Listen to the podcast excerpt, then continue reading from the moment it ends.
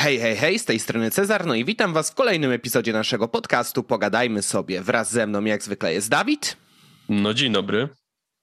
E, no i cóż, mm, pytanek nam obrodziło w tym tygodniu, więc będzie o czym pogadać.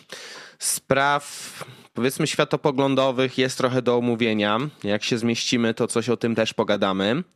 E, I myślę, że nie ma co przedłużać w ten e, śnieżący, właściwie już nawet nie poranek, już popołudnie. Tak. W to śnieżące popołudnie możemy zacząć. Ja zaczynam jak zwykle od pytań od patronów. Dzisiaj padły trzy. Pierwsze od Goodluka. Awe nie mam pomysłu.exe. Gdzieś z tyłu głowy mam wrażenie, że padło to pytanie, ale nie wiem gdzie. Jakie książki uważacie za obowiązkowe do przeczytania? Co powinien przeczytać człowiek, by móc nazwać się rikczowym? Ładla błoga. Zależy w jakim aspekcie. Znaczy... Hmm. No powiem tak, ja z książek na temat inwestowania albo zarządzania finansami to mogę na pewno polecić Michała Szafrańskiego. Mm. Pod kątem wiedzy na temat e, substancji psychoaktywnych na pewno mogę polecić Davida, Davida Nata i książkę Narkotyki bez paniki. E, cóż, jeśli chodzi o ekonomię, no to chyba książki, które ASE poleca i Instytut Misesa. Generalnie tak, jak ktoś chce się wkręcać w asę, no to powinien przeczytać ekonomię na jednej lekcji. Jak się odważy później, to jeszcze Misesa, ludzkie działanie, chociaż to jest dużo trudniejsza pozycja co jeszcze możesz zrobić, aby być bardziej rikczowym, jak chodzi o, o ogólną literaturę. Mm, Harariego w sumie tutaj... można polecić, jego trylogię książek. Można, ale ja bym bardzo polecał z klasyki, no to jak chodzi o nawet lektury szkolne, wskazałbym Jądro Ciemności, wskazałbym Dżumę, zresztą bardzo lubię twórczość Kami. Co jeszcze mógłbym powiedzieć? No, rok 84 i Nowy Wspaniały Świat to moim zdaniem obowiązkowy kanon lektur. E, warto jeszcze przyjrzeć się pozycjom mm, no w sumie Dostojewskiego. Sam okay. no boli mnie trochę, że w sumie od... Tak? Nie, mówię prosto, okej. Okay. A, okej. Okay. E, myślałem, że poczekaj, powiedziałeś. Nie, nie. E, Dostojewski, no Prawda taka, że jeszcze za wielu pozycji od niego nie przeczytałem, aczkolwiek właśnie zamierzam się wziąć za e, więcej pozycji od niego. Um, a jak miałbym coś polecić od Dostojewskiego, no czytałem gdzieś tam kiedyś w liceum Biednych Ludzi. No tylko Zbrodnie i Karę. Zbrodnie i Karę, no to oczywiste, bo to była lektura. Bardzo chcę się teraz dobrać do Idioty i do Biesów, bo no i Bracia Karamazow, no słyszę bardzo dużo dobrego o tych książkach, więc jeżeli chodzi o jakąś taką sur surową rosyjską filozofię życia, to jak najbardziej. Mm, no i cóż, no powiem szczerze, że teraz przetłukuję też y, mapy myśli y, Petersona i to jest no ciężka pozycja. Więc chyba bardziej bym od niego polecał 12 życiowych zasad. Jeżeli już coś człowiek chciałby się zapoznać z myślą Petersona, szeroko rozumianą. Mhm. E, czy coś jeszcze mi przychodzi do łba w tej chwili? Nie wiem, dla zrelaksowania może Pana Lodowego Ogrodu? Albo Hyperiona, o, Hyperiona, jak chodzi o fantastykę. Okay. No i dobra. No, z Szymon by się pewnie to, wkurzył, że...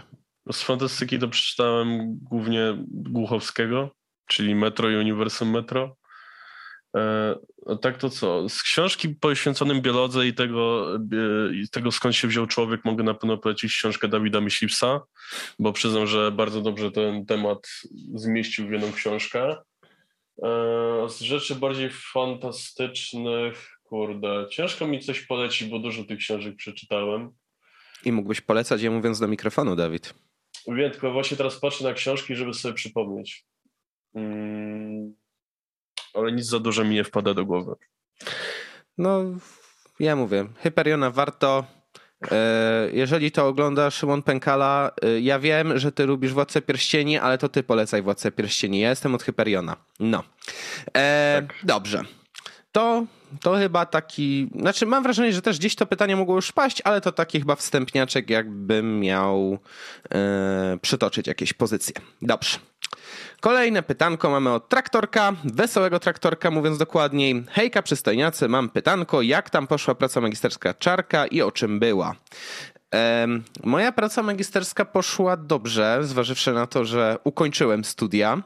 W końcu. Praca dotyczyła, e, praca dotyczyła e, pewnej teorii mm, wziętej ze szkoły Public Choice, mm, teorii demokracji. Donsa.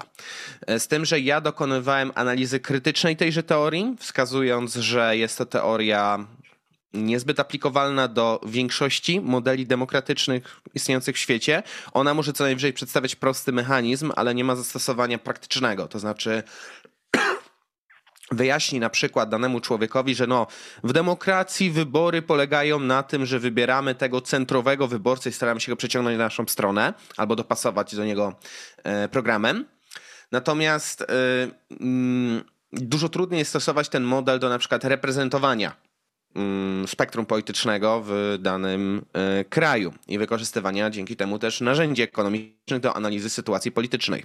W związku z tym E, stworzyłem pracę, która niejako krytycznie podchodziła do tej teorii z wykorzystaniem e, koncepcji austriackiej szkoły ekonomii oraz, oraz mm, no, pewnych pozycji związanych ze światem mediów, bym powiedział. Kilka książek mm -hmm. tam mhm. po prostu przeczytałem dotyczących e, tego, jak funkcjonują współczesne media, jak one mogą wpływać na wyniki wyborów, na opinię publiczną szeroko rozumianą zbierając to jakby wszystko do kupy i stosując jeszcze taką jedną koncepcję pewnego mm, pewnego um, socjologa, jeżeli dobrze pamiętam, że ten gość się, znaczy czymś tam specjalistycznym się zajmował w tej socjologii, tylko teraz nie mogę sobie przypomnieć. Okay. Który to, stw- no i politologa oczywiście, no, mhm. zajmował się tymi dwoma dziedzinami.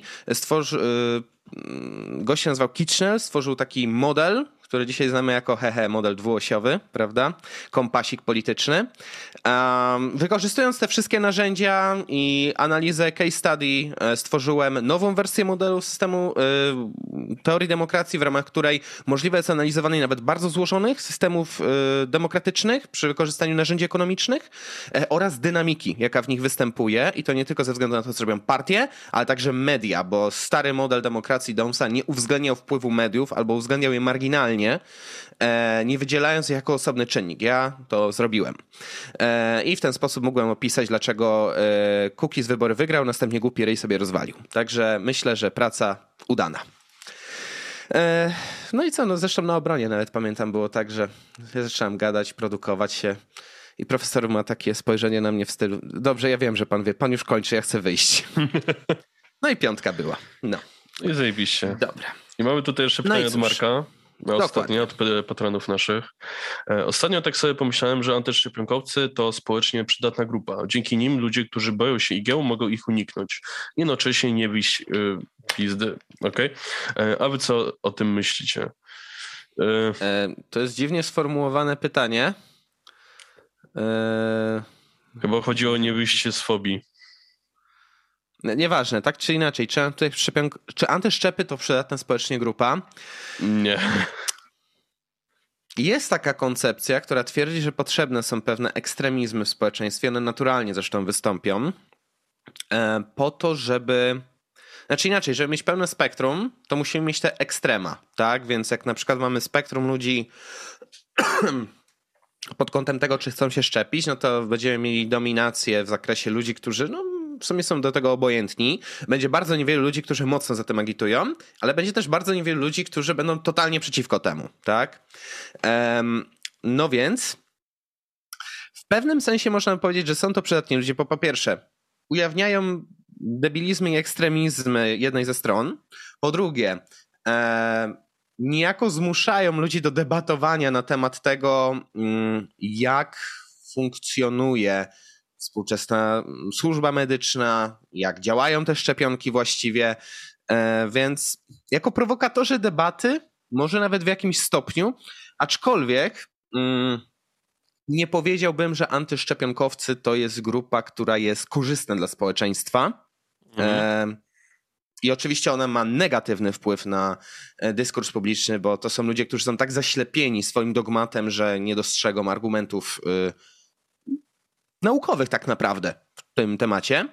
E, aczkolwiek wiem, o co tutaj może chodzić w tym pytaniu i w pewnym sensie można by powiedzieć, że prowokują do debaty, ale prawda jest taka, że to są jednak antynaukowi mm, ludzie, którzy. Co to za debata? Mówiąc najdelikatniej, będą próbowali nas przekonać bardziej do dogmatu niż do wiedzy specjalistycznej. I tak naprawdę szkodzą społeczeństwu w jakiś sposób, przez to, że niewyszczepieni chodzą, więc pozwalają w swoich ciałach mutować wirusom. Więc niby tak, ale nie do końca. Dobrze. Mimo, że tym akcentem przejdźmy do maili. Myślę, że tak. Dobrze. Dobra, pierwszy, e, maila mamy od Piotra i brzmi tak. Czołem. Czołem. E, zacznę może od mojego sprostowania odnośnie jednego z pytań e, z mojego poprzedniego maila. Pytałem w nim o rozłączność terminów kapitalizm i wolny rynek, a nie z, z, zamienność stosowania. Oto takie małe nieporozumienie. Ostatecznie mimo to udzielone odpowiedzi były pomocne, za co z tego miejsca dzięki. Jednakże Wątpliwość, którą Czarku wyraziłeś, nie rozumiem skąd nazywanie takiego systemu kapitalistycznym, mowa o kapitalizmie państwowym z ZSRR. Sprowokowała mnie do pociągania tego wątku dalej i skonfrontowania z wypowiedzią guru marksistów w internetach, niejakiego Richarda Wolfa. Na jednym ze swoich wykładów w kontekście systemu ekonomicznego w ZSRR mówi, cytuję, każdy system ekonomiczny ma swoją formę prywatną i państwową. Możesz być kapitalistą prywatnym, jednostką posiadającą i zarządzającą firmą bez zobowiązań z państwem, albo może robić to rząd, zatrudnić pracowników, kupić surowce, narzędzia, sprzęt, wyprodukować coś i sprzedawać na rynku. I tym sposobem spór na temat gospodarki w ZSRR nabiera nieco tragikomicznego wymiaru bo socjaliści będą podawać centralne planowanie jako argument, że była kapitalistyczna, a kapitaliści będą podawać centralne planowanie jako argument, że była socjalistyczna. Jak więc oceniasz wewnętrzną spójność terminu kapitalizm państwowy, biorąc e, tym razem pod uwagę rozumowanie zacytowane powyżej? Czy spór ten wynika jedynie z przyjęcia różnych definicji? Być może, ale jest też inna opcja E, typ po prostu pieprzy kocopoły, bo mu pasują do z góry przyjętej tezy, dlatego ponownie proszę o pomoc w rozłożeniu tego na czynniki pierwsze, zrozumieniu i złożeniu do kupy. Życzę smacznego tego, co tam kto sobie akurat popija. Trzymajcie się, cześć. No Czarku, temat ekonomiczny, więc pozostawiam go w pełni tobie. Zacznijmy od tego, co ma, czym się różni ekonomia od płci. W ekonomii można mówić o spektrum. I teraz wyjaśniam, o co dokładnie chodzi. Problem, który przytacza tutaj mm, Wolf, jest taki, że e, faktycznie nie będzie systemu doskonałego. Pamiętajmy, że kapitalizm i komunizm, taki w pełny komunizm, to są trochę takie byty idealistyczne. My to stosujemy, żeby. Mm, my to stosujemy, żeby dostrzegać aspekty tak naprawdę poszczególnych okay. systemów. Czyli przykładowo, e, jeżeli uznamy, że idealny wolny rynek to jest rynek, gdzie nie ma wpływu państwa, gdzie mamy e, swobodną wymianę dóbr, prywatne posiadanie własności, no to z tego miejsca możemy wskazać, ok, co prawda na przykład w takiej Szwecji mamy dość duży udział państwa, ale ludzie w sumie posiadają, jest swobodna wymiana dóbr i usług i tak dalej, i tak dalej to mogę przyjąć to jako system kapitalistyczny. Ale to nie będzie doskonały kapitalizm, bo nie może być taki. Nie, nie, nie będzie istniał nigdy system, który w 100% spełni swoje założenia. To jest niemożliwe. Mhm. Każdy system jest w pewien sposób idealistyczny um, i to w sumie jest dobre, bo dzięki temu zawsze jest jakiś cel do dążenia, jakieś miejsce na ulepszenie albo zmiany. Nie? Mhm. Um, myślę, że to, co Wolf tutaj przytoczył, czyli że każde państwo ma formę prywatną i państwową, jest jak najbardziej słuszne. Jak najbardziej. W sensie mm, przyjrzyjmy się nawet współczesnej Polsce. Będziemy mieli oczywiście sfery, które są jak najbardziej prywatne, na przykład, nie wiem, handel detaliczny, e, fast moving consumer goods, mm, w sensie rynek FMCG, tak. Mhm. Ehm, wiadomo. Natomiast będziemy mieli też takie branże, które są albo bardzo silnie upaństwowione, albo wręcz w pełni kontrolowane przez państwo. Mam na myśli na przykład koleje państwowe, mam na myśli, e, właśnie chciałem powiedzieć, firmy zajmujące się energetyką szeroko rozumianą, lepiej tak chyba nawet. No więc będzie jedno i drugie, jak najbardziej, w każdym systemie. No i właśnie. Pytanie, czy to oznacza, że nie wiem, w ZSRR panowała jakaś forma państwowego kapitalizmu, wcale nie komunizm. Jak mówię, mechanizmy rynku, jak mówiłem zresztą, jak mechanizmy rynkowe w ZSRR miały miejsce bo Lenin się wystraszył po rewolucji tego, co odpieprzył w latach 21-23. W związku z tym wprowadził ten swój tymczasowy plan mm, odbudowy gospodarki, chwilowo wprowadził walutę, która już została. Aczkolwiek prawda jest taka, że wciąż to Komitet Centralny zarządzał planowaniem produkcji, rozdysponowaniem produkcji, takimi rzeczami, nie? Mhm. W związku z tym ludzie posiadali tę kasę, ale zapytajcie się kogokolwiek, albo poszukajcie jakichś książek, które o tym piszą, e, kto żył w czasach socjalistycznych, czy to w Rosji, czy w Polsce, czy na Białorusi, wszystko jedno. I zapytajcie się go, ile mógł za te pieniądze kupić. W sensie, jak było jeszcze w miarę dobrze, to faktycznie kupował jakieś podstawowe produkty. Ale z czasem te systemy zaczęły się słowom dławić i tak naprawdę wszystko ostatecznie dostawaliśmy na kartki. Dodatkowo, na przykład w erze, teraz czy nie pomylę, ale to był chyba Chruszczow. W erze Chruszczowa ZSRR miało tak zwany okres odwilży. Znaczy, potępiono zbrodnie Stalina, stwierdzono, że trzeba budować trochę nowocześniejszy komunizm, jak to przedstawiono w Kaceku. W rzeczywistości chodziło po prostu o to, żeby troszeczkę odmrozić skostniałe, mocno upaństwowione e, sfery gospodarki. Okay. Nie, robiono tego oczywiście na szeroką skalę, bo starszyzna, że tak powiem, z by się wkurwiła. Natomiast, co zaczęto robić, to faktycznie e, odmrażać niektóre sfery gospodarki, żeby były bardziej sprywatyzowane, ale jednocześnie Chruszczow i potem Breżniew to też kontynuował, bardzo mocno postawili na rozdawnictwo państwowe. Przykładowo, tak naprawdę za bezcen można było dostać mieszkanie wtedy.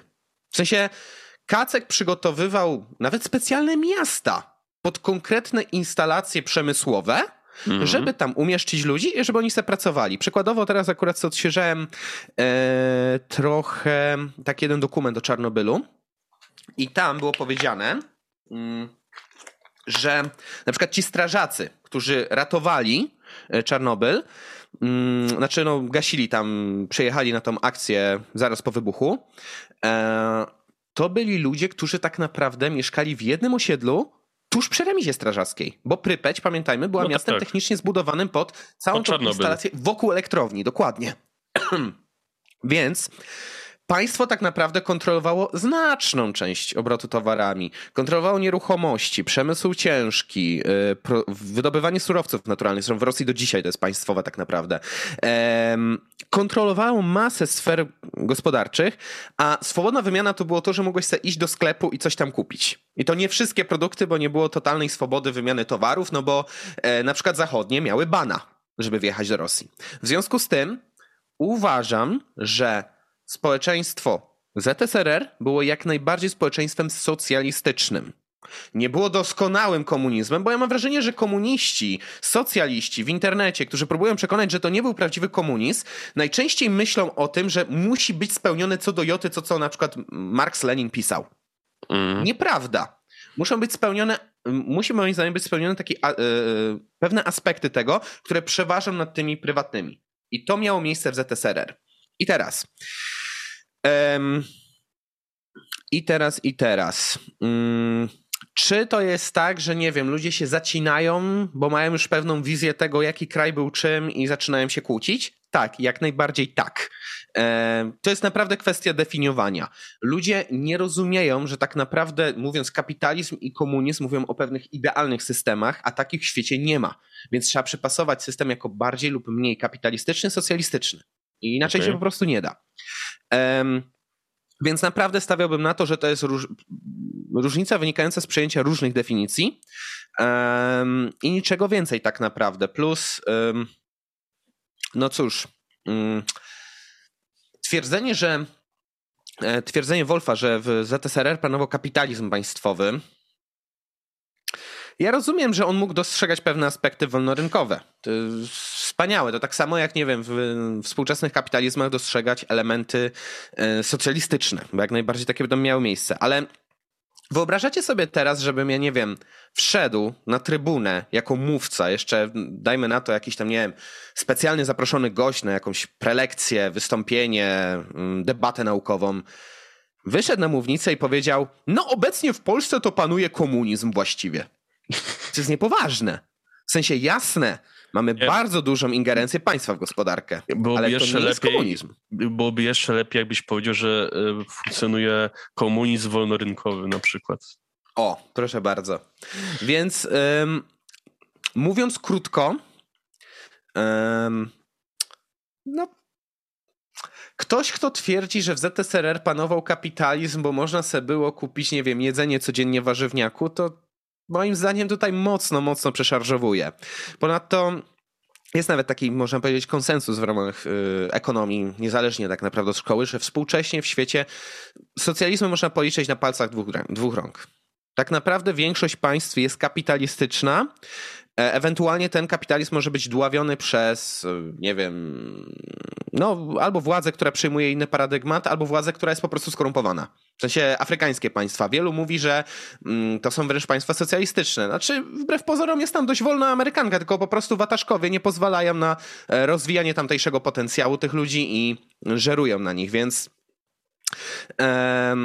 rozmowy na temat w ogóle systemów, jakich by nie były, w jakichkolwiek państwach, w jakimkolwiek momencie historii, jasne, że mogą przynosić emocje, jasne, że mogą pokazywać nam różne strony medalu, ale ostatecznie trzeba przyjąć. Bardziej tak czy bardziej tak.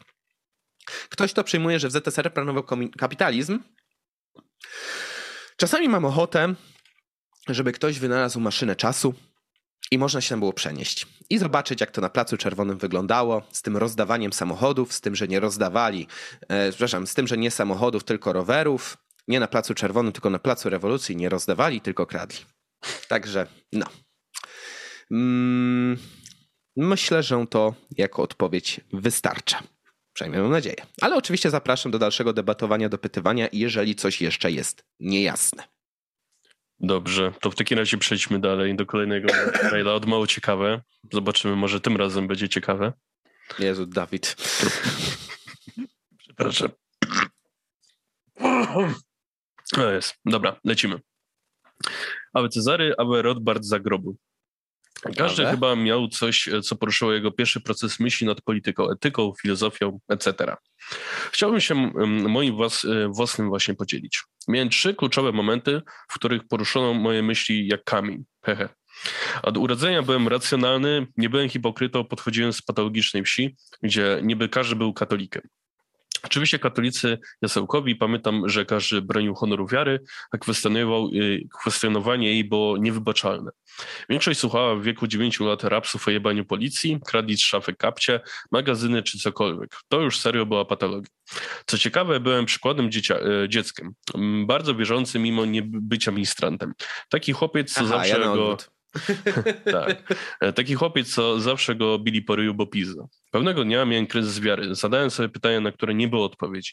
Zadałem je księdzu w klasie. Myślałem, że dostanę odpowiedź. Jednak on wyśmiał, że Bóg znał odpowiedź. Wtedy poczułem nagły szok. Istnienie Boga zostało zaburzone w mojej głowie w, sekundę. Po lekcji już nikt z klasy nie chciał się do mnie odzywać. Zadawałem szczerze niewygodne pytania. Gorliwy katolik został ateistą. Poczułem szok nie tyle co do strachu, e, e, to nawet wolności. Wtedy postanowiłem coś ukraść. Mój młody umysł myślał racjonalnie dla umysłu dziewięciolatka. Skoro Boga nie ma, to mogę wszystko. Kradłem batona z Lewiatana. O, co za ironia losu. Szczerze gapiłem się na niego przez cały dzień. Poczułem się winny. Czułem, że robię coś złego. Zostało pytanie, skoro Boga nie ma, to czemu czuję, że żałuję tego czynu?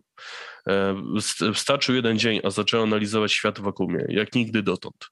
E, oczywiście teraz nienawidzę tylko ludzi pseudowierzących, na przykład, że Bóg dobrodacz. Serio byłem dziwnym dzieckiem po analizie kapitalizmu, religii oraz komunizmu. Stworzyłem coś w rodzaju trzeciej drogi w wieku 11 lat. E, to było głupie. Polegało to na tym, że każdy, kto złamie prawo, chociaż minimalnie zostaje niewolnikiem państwa nie byłoby podatków, bo państwo zarabiałoby z wynajęcia milionów niewolników. Nazwałem to demosprawiennictwo. Ok. E, powtórzę, wymyślił to jedenastolatek. Ruszeniem kolejnym e, e, tego kamienia było dorastanie. W wieku 13 lat zacząłem poczuwać poziom do dwóch płci. Netflix moment.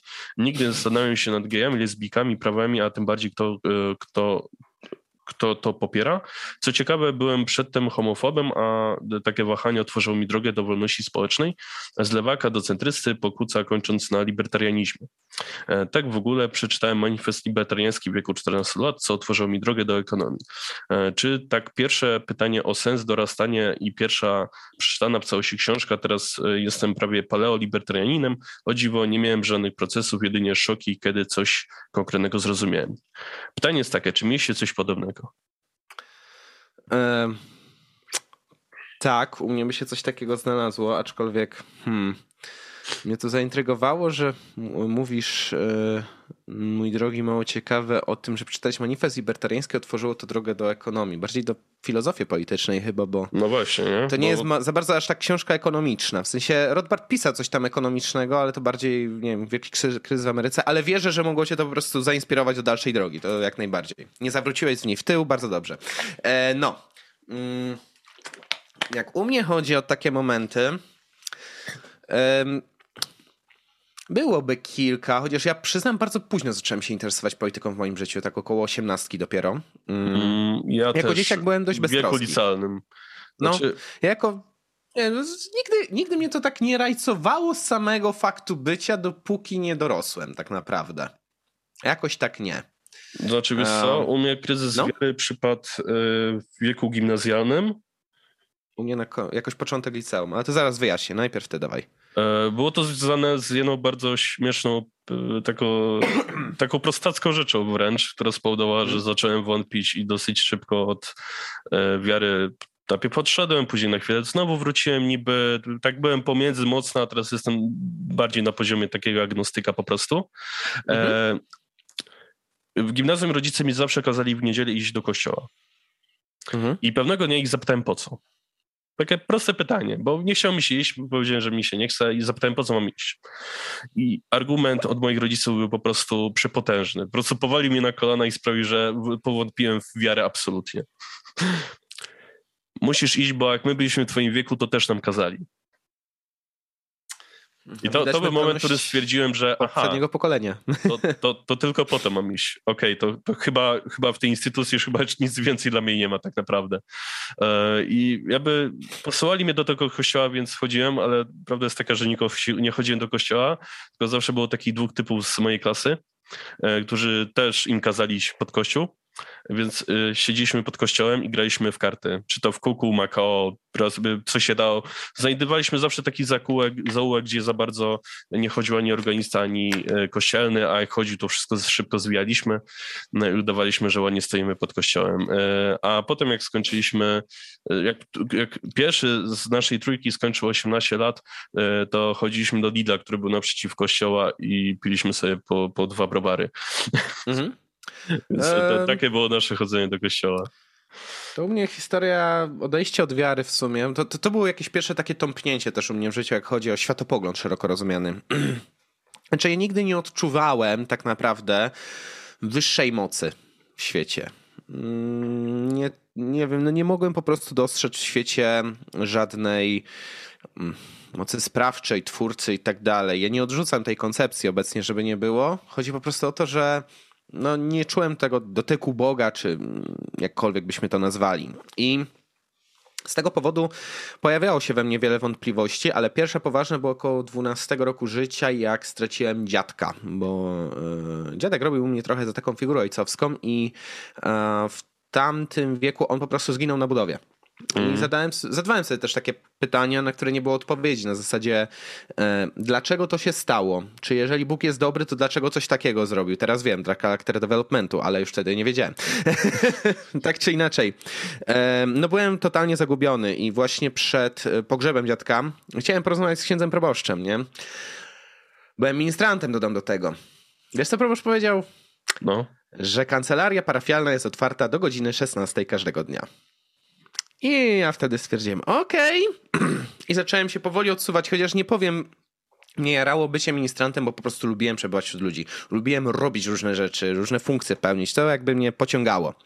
E, no i jednak fakt jest taki, że zaczyna słabnąć we mnie wiara. Zaczynałem właśnie czytać, poznawać rzeczy, które podważały paradygmat wiary, który dotąd był u mnie nienaruszalny. I gdzieś jak zacząłem z y, liceum, to właśnie stwierdziłem w którymś momencie, że po prostu się zbuntuję matce i nie pójdę do tego kościoła, bo nie czułem żadnej palącej potrzeby, żeby tam iść.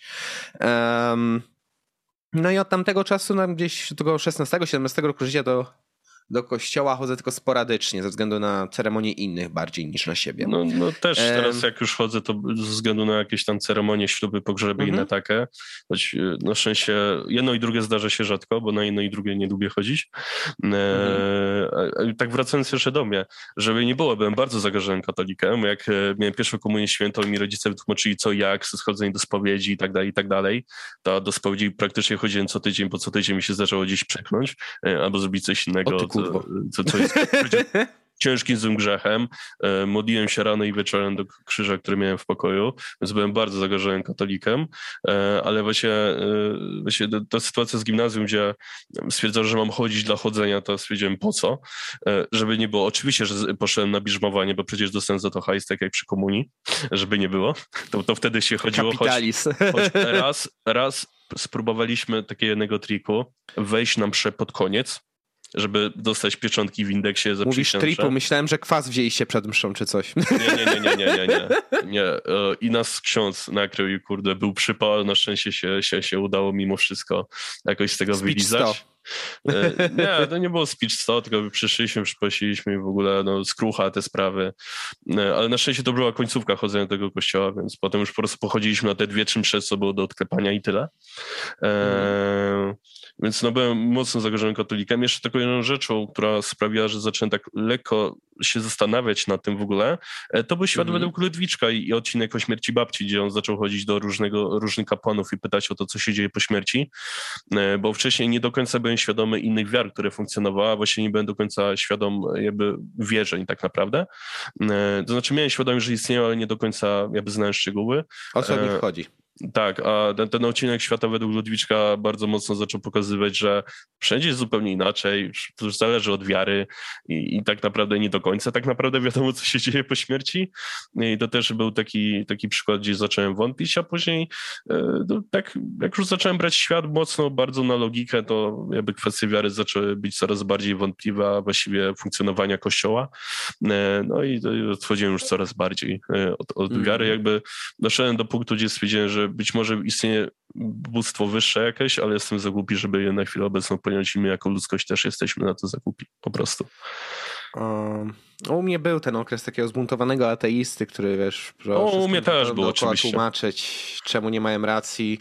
Z czasem po prostu ostygłem emocjonalnie i tak stwierdziłem, nie będzie na to jasnej odpowiedzi. Ja, ja po prostu wychodzę z założenia filozoficznego, że nie da się odpowiedzieć na pytanie, czy Bóg jest, czy go nie ma i każdy powinien decydować we własnym zakresie. Zresztą mam wrażenie, że to jest bardzo spójne z ideą libertarianizmu za którą staram się podążać. Um, dobra, jak mówiliśmy o religii, to no ja w sumie też po bierzmowaniu przestałem chodzić, ale jeszcze chodzi o przełom ten związany z polityką. No u mnie to się zaczęło trochę tym, że w liceum z klasy matematyczno-fizycznej przepisałem się do społeczno-prawnej. Stwierdziłem, że jednak nie mam na tyle lotnego umysłu, żeby ogarniać zaawansowaną fizykę, więc historia, bo to też był mój konik. No i faktycznie tam się zacząłem lepiej odnajdywać, ale trafiłem na klasę, gdzie miałem trzech narodowców i czterech korwinistów. Oh boy, nasze lekcje WOS-u były legendarne. Bez przerwy spory, kłótnie, ale takie merytoryczne. Nie to, że tam, mm. nie wiem, obrzucaliśmy się gównem. Zresztą mieliśmy świetnego nauczyciela od tego WOS-u. E, który nas e, świetnie moderował. On nie to, że nam blokował, tylko moderował nam te dyskusje. I faktycznie, jak żeśmy trochę o tym czytali, e, dowiadywali się, wiadomo, wymienialiśmy się, Maxa Kolonko oglądałeś, o Korwina oglądałeś, to tam się nakręcaliśmy, bo jeszcze, wiadomo, młody i tak. emocjonalny jest wtedy człowiek, ale E, to zaczęło mnie po prostu interesować całą myślą polityczną. Z tego powodu potem zdawałem na przykład na WOS, yy, z WOS-u ten yy, rozszerzoną maturę, nie? Yy, 58%, ale wciąż uważam to za wygryw.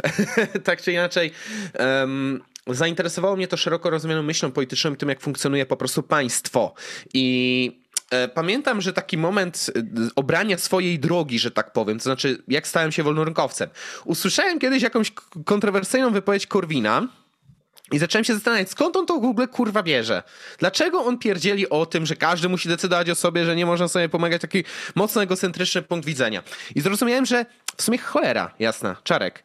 Wywodzisz się dosłownie z klasy średniej, która naprawdę od klasy niższej się budowała. W sensie moi dziadkowie żyli w głębokiej komunie na wsi. Moja mama już mieszka w małym miasteczku, ja teraz jestem w dużym mieście, więc jestem self-made manem co na pewno mnie mocniej przekonało. Po drugie, pewna kultura domowa na pewno na to też wpłynęła. To znaczy, we mnie zawsze wpajano idee konserwatywne, ale też samodzielności dużo we mnie wpajano. Więc wolny rynek uważałem, że to jest to rozwiązanie. Skoro jestem nauczony samodzielności, każdy też powinien się tego nauczyć i tak dalej. Oczywiście obecnie teraz jest to troszeczkę bardziej skomplikowane, jak miałbym to wyjaśnić, ale wtedy takie było moje myślenie. No i e, ostatecznie przez e, okres studiów kształtowały się powoli te, e, ten światopogląd. Na pewno wytruto ze mnie jakiś taki mm, patologiczny, powiedzmy, nacjonalizm. Raczej stałem się po prostu patriotą, umiarkowanym konserwatystą ewolucyjnym, e, ale właśnie ta myśl wolnościowa by, była we mnie silnie zaszczepiona i zawsze starałem się jakby te dwie rzeczy ze sobą godzić. Ale nie do końca pasowało mi określenie konserwatywny liberta, e, liberał, bo... Uważałem, że państwo można jeszcze bardziej odchudzić, jeszcze bardziej postawić na człowieka, jeszcze bardziej wierzyć w ideę jednostki. I ostatecznie, tak w około wieku 20 chyba 3 lat, więc mhm. relatywnie niedawno w sumie, no bo 3 lata temu, e, doszedłem do wniosku właśnie, że paleolibertarianizm to jest to, bo to jest ten libertarianizm, który utrzymuje, że znaczenie tradycji i kultury jest niezwykle ważne w kształtowaniu społeczeństwa e, i nawet jeżeli ono byłoby anarchistyczne, to ono może się wtedy budować na tych fundamentach kulturalnych, zamiast państwowych ustanowionych. Tak. Okay. To u mnie jakby kwestia libertarianizmu jakby na początku trochę bardziej akapo, później libertarianizmu dosyć szybko się wykrystalizowała, to był wiek właśnie już licealny, jakby ja bardzo, ja, ja dużo rzeczy jak gąbka wtedy, a że mieliśmy, u nas w klasie był tylko jeden ziomeczek od polityki, e, czyli Mateusz, który zaczął nas zarażać, zarażać Korwinem, e, to, to jakby bardzo szybko wsiąkłem kwestię najpierw korwinizmu, a później bardzo szybko przeskoczyłem do kwestii e, libertariańskiej, czyli właśnie Misesa, Rodbarta, Ase i tego wszystkiego wokół wokół tego. E, bardzo szybko wsiąkłem w, w Kamila Cebulskiego, na przykład jeśli chodzi o kwestię takiej e, wolnej przedsiębiorczości, mm. więc, więc wchłonąłem bardzo dużo rzeczy jak gąbka, więc u mnie ten libertarianizm tak się bardzo mocno ociosał w wieku już licealnym, zwłaszcza, że wtedy byłem straszliwie buntowniczym dzieciakiem. Zaczęło się gimnazjum, ale w liceum to byłem już mm, ultra buntowniczy wobec rodziców, więc chyba ten libertarianizm tak do, dobrze się wciosał we mnie mm. dzięki temu. A jeśli chodzi o kwestię pochodzenia, to też, wiesz, u mnie y, jeden dziadek jest ze wsi całkowicie, babcia tam była jakoś mało miasteczkowa, e, drugi dziadek był kinooperatorem, e, moja babcia była wrogiem klasowym komunizmu, bo przecież mój pradziadek był obszarnikiem, miał dużo ziem, e, więc też trochę było budowania od zera i wychodzenia z bycia może nie w biedzie, ale bycia z klasy trochę niższej do klasy takiej średniej. No i moi rodzice typowa klasa średnia lat 90. No i ja teraz sobie żyję w Toruniu i, i jestem... Czterońską szkołę ekonomii. E, tak, jestem klasa średnia, której nawet nie stać na mieszkanie, a klasy średnią z lat 90. było stać na mieszkanie. Wspaniałe czasy. Nie tak, zapomnę ich nigdy. Tak. E, no i dobra. Piękny no, kapitalizm zmieszany no. z socjalizmem. Dziękuję za życie bardzo ciekawych czasach. A jeszcze jak mam dodać jaką książkę, jak pierwszą przeczytałem z myśli politycznej, chyba manifest libertariański też, a potem tak? było ludzkie działanie. Tak, to, mnie posrało, to... stwierdziłem, że nie, pominę ekonomię na jednej lekcji. E, to ja, ja, też byłem posrany, może nie tyle posrany, co jakby e, nikt mi chyba nie polecił ekonomii w jednej lekcji, tylko ja po Aha. prostu stwierdziłem, dobra, e, Mises, książki, o, biurokracja Misesa, to może to przeczytam. I przeczytałem.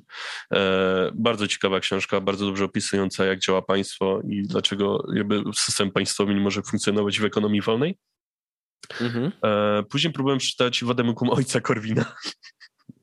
O Jezu, ale odpadłem gdzieś w jednej trzeciej, aby to było pisane, wiesz, takim staropolskim trochę, takim perelowskim e, mhm. i do tego jakby to czasami po prostu rzucane hasła bez większego wytłumaczenia, więc po prostu się tak ciężko czytało, bo w tym logiki za bardzo nie było. Ech, no, no i, i tak to było. I, I tak to właśnie było. Tak, i przyznam, że muszę wrócić do niektórych tych książek libertariańskich, tylko muszę znaleźć na to czas po prostu, bo większość tej biblioteczki ma chyba na swoim Kindle nadal. Więc, więc kiedyś do tego wrócę. Tymczasem my wróćmy do kolejnych pytań, żeby nie pomijać pozostałych pytających. Teraz będzie pytanie od Kamila, które brzmi następująco. Nawiązując do ostatniego podcastu, powiem wam, że mój nauczyciel podstaw przedsiębiorczości wydaje się być ogarnięty i wie o czym mówi i wydaje mi się, że na jego lekcji akurat poznałem te podstawy przedsiębiorczości. Jak coś mnie ciekawi, to po lekcji chętnie go o coś zapytam. Więc myślę, że podstawy przedsiębiorczości można dobrze poprowadzić.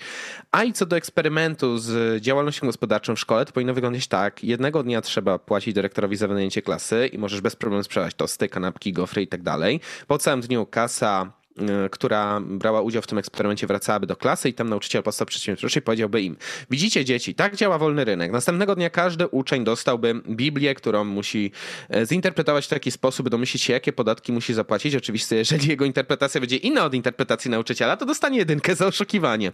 Nauczyciele będą sprawdzali, czy te stery i gofrownice są regularnie czyszczone, no i trzeba będzie płacić też VAT. Od każdego sprzedanego produktu i na koniec jeszcze 17% od całego zysku, a tym uczniom, którym pierwszego dnia poszło najlepiej, sprzedano najwięcej kanapek, dostaną protekcję od dyrekcji, a tym, którzy mieli jakąkolwiek szansę ich dogonić, czyli tym, którzy sprzedawali gofry, to im się jeszcze dopierdoli za sprzedawanie niezdrowej żywności po kilku dniach, gdy cała konkurencja zbankrutowała i na rynku zostało tylko dwóch uczniów, którzy nie sprzedają już kanapek za 3 zł, ale za 15 zł. Wtedy dyrekcja ogłasza, że te ceny są absurdalne, cena powinna być do 3 zł, ostatni uczniowie zamykają interes, ponieważ muszą sprzedać kanapki za 3 zł, z czego 2 zł podatki. Oraz dlatego, że mieli już pięć jedynek w dzienniku za walkę z nauczycielem o interpretację podatków. I wtedy wszyscy uczniowie wracają do klasy i wtedy nauczyciel od PP mówi im tak, dzieci działa Polski Ład. A, jeżeli nie zrozumieliście z tą Biblią, chodzi mi o to, że podatki w Polsce są tak za wiele skomplikowane, że ich analiza może być cięższa od analizy Biblii. Oczywiście, że zrozumiałem, trochę miałem z tym do czynienia. Ja chciałem tylko dodać... Ale widzę, że tutaj ktoś dobrze to przemyślał, dużo bardziej niż my. No. Tak, ja chciałem tylko dodać, że tutaj to nie 17% podatków, tylko 23 bodajże, bo trzeba doliczyć jeszcze e, składkę zdrowotną, której już nie można liczyć, e, e, nie można jej wrzucić w koszty. Dokładnie tak. Więc, eee. więc de facto szkoła zabiera prawie jedną czwartą, to znaczy państwo, jedną czwartą ceny z podatku. Jakby się, się dlaczego wszystko jest nagle droższe, to, to właśnie dlatego. No, w sensie po takiej szkole przedsiębiorczości z jednej strony ludzie byliby bardziej świadomi e, e, tego, jak wygląda działalność przedsiębiorcza w Polsce, z drugiej strony mamy szybciej dużo mniej ludzi chętnych. E, właśnie dużo mniej chętnych osób do tworzenia firmy raczej by spieprzali za granicę, jakby się o tym dowiedzieli. E, no, u mnie Pepe to była masakra, prowadziła to, zresztą już tłumaczyłem nieraz, kobitka, która, której upadł sklep spożywczy, więc no, no, no naprawdę na przedsiębiorczości się znała e, i, i, i jej, jej wzorem przedsiębiorczości był jej syn, który pracuje w, Niem w Niemczech i ma chyba jakąś tam firmę i że to jest przedsiębiorcze. E, ale ja przedsiębiorczości uczyłem się właśnie z, z filmów Kamienia Cebulskiego, jego różnego rodzaju wystąpień I, i tak, zdecydowanie z niego wyciągnąłem więcej przedsiębiorczości niż, niż ze szkoły. No i później jeszcze to trochę zdarzyłem z moim tatą, który też prowadzi firmę, więc też co nieco wie. A u mnie właśnie wszyscy na państwówce. Sam się musiałem uczyć wolnego rynku. Ale cóż, e, każdy orze jak może. I od Kamila jest jeszcze drugi mail mhm. który brzmi następująco. Mm, witam, to znowu ja. I tak, YouTube teraz y, zaczął traktować każdy film osobno, ponieważ na moim kanale średnia wyświetleń na film to 1600, natomiast jeden z moich najnowszych filmów osiągnął wynik 72 tysięcy wyświetleń i teraz przyrost mocno spadł, ale na tle reszty filmów dalej jest wysoki. Tak w ogóle to kanał nazywa się Polish Mapper. Nie, to wcale nie jest reklama, ale jeżeli chodzi o pytanie, to doradzilibyście, jakie rzeczy lubi algorytm YouTube, aby promować kanał, czy też film. Pozdrawiam. To Dawidzie, może tobie bardziej tu oddam pole. Znaczy, tu za bardzo nie ma kwestii typu lubi algorytm. Jakby wy musicie dotrzeć lubią do... ludzie. Tak, wy musicie dotrzeć do ludzi, jakby wielkie zaskoczenie, tak? Jakby jak wasz film spodoba się dużej ilości ludzi, do której to trafi w pierwszym rzucie, który algorytm zatostuje, e, to y, algorytm stwierdzi, o, ludziom się to podoba, to rzucajmy to jeszcze podobnym ludziom, jeszcze dalej, dalej, dalej, aż, e, aż, aż w końcu ten wskaźnik e, prawdopodobnie CTR-u jakby nie spadnie, nie spadnie poniżej jakiegoś poziomu. Mhm. Jakby w ten sposób filmy wajralują. Jakby ktoś to widzi. Zresztą świetny przykład Mata. Rzucił teledysk, gdzie powiedział coś, o czym wiedzą wszyscy, tylko, y, tylko powiedział to głośno i nagle stwierdzili, o, muszę sprawdzić, czy rzeczywiście to powiedział i zaczęło się to wiralowo iść coraz dalej, dalej, dalej. Swoje jeszcze zrobiła telewizja, e, influencerzy, dziennikarze i wszyscy wokół. E, no i w ten sposób to się rozrosło i jakby, jakby powstał, powstał wielki mata. Zresztą o którym chyba jeszcze dzisiaj coś wspomnimy. E, Najprawdopodobniej tak. E, znaczy, jeżeli miałbym dać jakieś takie ogólne porady, to powtórzę już taką radę, która chyba padła dwa podcasty temu, czyli staraj się tworzyć materiały o podobnej długości.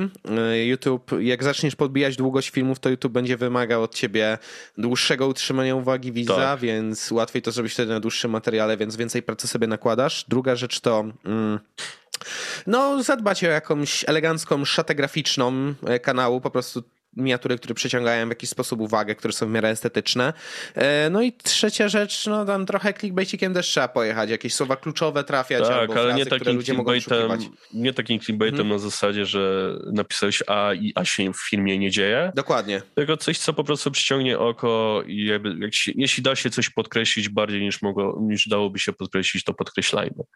Na przykład w e, ostatnim materiale popularno-naukowym u nas na kanale, e, jak jeszcze działał, to był materiał Dlaczego we Francji, yy, znaczy był tytuł, o Jezus Maria, czekaj, muszę sobie przypomnieć teraz. Bo... Okej, okay, to yy. tak rzucę jeszcze szybko. Rzecz, którą zauważyłem, że bardzo działa na wielu kanałach. Jeśli dbacie o swoją markę osobistą, to używajcie swojego ryjca e, w miniaturach, bo widzę, że dużo twórców tak robi i, i działa i idzie, więc, więc to też również polecam. Na naszym kanale za bardzo tego nie stosowaliśmy, chyba powinniśmy na, na wyobraźcie sobie, więc, więc pod tym kątem też to polecam. Nie.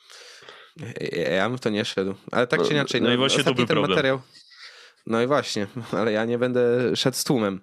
Ehm, co my tutaj mamy? A tak, czy prawo może zawieść? Dlaczego Francuzi skazali świnie na śmierć? Autentycznie pada ten wątek w tym filmie, więc to tak. jest jak najbardziej okej. Okay. W sensie ogólne sformułowanie problemu i coś, co ma przyciągnąć uwagę. To jest, myślę, najlepszy układ.